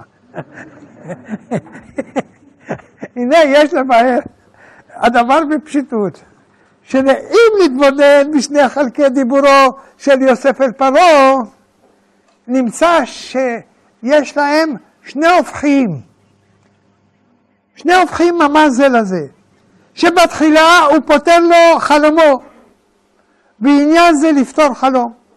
הרי זו נקודה נסתרת ופנימית מאוד. לעומת זה החלק השני של דיבורי יוסף לפרעה, הוא מייעץ לו לאגור משנות השובע לשנות הרב, הרי זו הסתעסקות בבחינה מעשית מאוד. איך היא האופן הנכון להתנהג בעולם הזה, בשנת הרעב ובשנות השובע? הנה בדרכו של עולם, הנה זה העוסק בפנימיותם ובשורשם של דברים בעולם העליון, מבחינת פתרון חלומות, הנה הוא רחוק מרחק רב מהתעסקות בפרטי, בפרטי אופן העסק בהנהגת העולם הזה, וכן להפך, זה המתמצא בהנהגת העולם הזה, הוא רחוק מפנימיות הדברים. וכאן אצל יוסף הצדיק, אנחנו מצינו את שתי הבחינות המנוגדות הבאות כאחד. שתכף אחר העסק בפתרון החלום, אשר היא עסק פנימי מאוד, מיד הוא מתייחס, הוא מתייחס אל ההפך הגמור לבחינה זו. ואיך להתנהג בפועל ממש לאור זה. הנה זה באמת מהותו של יוסף הצדיק. בבחינת יסוד הכולל את כל הקומה מלמעלה עד למטה. ומזה התפעל פרעה. ואמר אין נבון וחכם כמוך. היינו שתי הבחינות, חוכמה ובינה, שהם כוללים שתי בחינות אלו, שהחוכמה היא העסק בחלק המופשט העליון, ובינה היא הורדת אותה הבחינה למטה בגילוייה, בפרטי המציאות, אלו הן דברי פרעה, אין נבון וחכם כמוך. עוד יש לבאר עניין זה באופן שונה קצת, קצת שונה. הנה, אם נתבונן בחלום עצמו, שהפרות הדקות בולעות את השמנות, הנה יוסף פתר זאת לפני פרות, שישכחו את שני הסובה מפני חוזק הרעב. הנה באמת זה עצמו אפשר לפתור באופן הפוך, ששני הרעב ינקו משנות השובע, ונמצאו בזה שתי אופני פתרון לטוב ולהפך. אבל הנה החכם האמיתי הוא זה שבכוחו להפוך חושך לאור. זה חכם אמיתי שהופך את החושך לאור. ולא רק לראות את הנולד או לפתור את החלום על פשוטו, אלא להפוך את הרע לטוב. היינו לפתור חלום רע לטוב. הרי כך בירו חכמינו ז"ל, מושג פתרון החלומות, שהיא להופכם לטוב.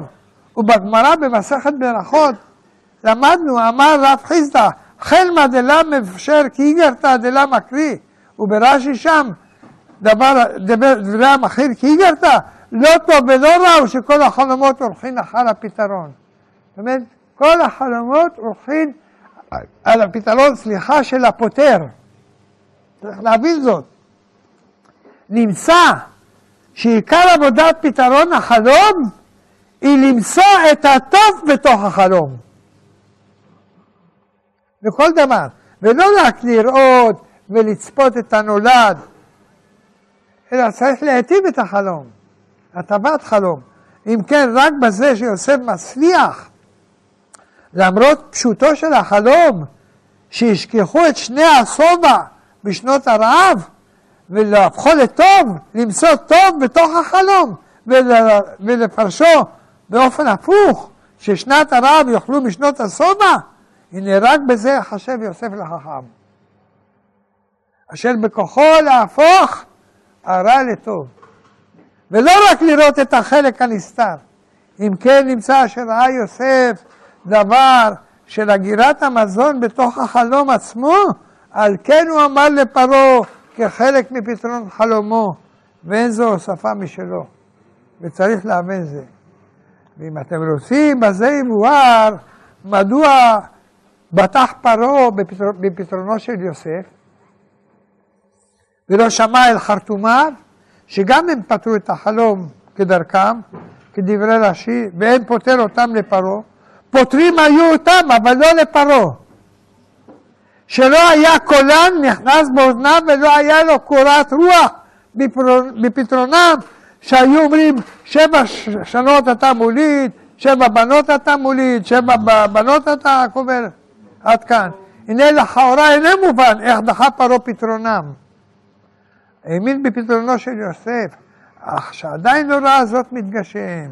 ולפי הדברים האמורים מבואר היטב, שהם הלוא לא פתרו כלל, שהרי לא הפכו זאת לטוב, למצוא דרך בפתרונם להפוך את החושך לאור.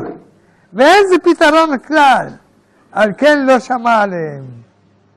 עוד אשים לכם עוד חידוש ששמעתי ולא זוכר ממי, אבל אומר ככה, בלעדיי יש שם אתנח. ויאמר פרעה אל יוסף, אה, בוא בוא בוא, אתה היית דונז'וון גדול, אתה היית בבית, של פוטיפר, אה, עשית, אמר לו בלעדיי, אתם תראו יש אתנח שם, בלעדיי, כן כן מה שהיה אמרו אבל זה לא אני בלעדיי, עבדך ירא את האלוהים, בלעדיי, אבל ירא אני את האלוקים, זה האתנח שיש שם.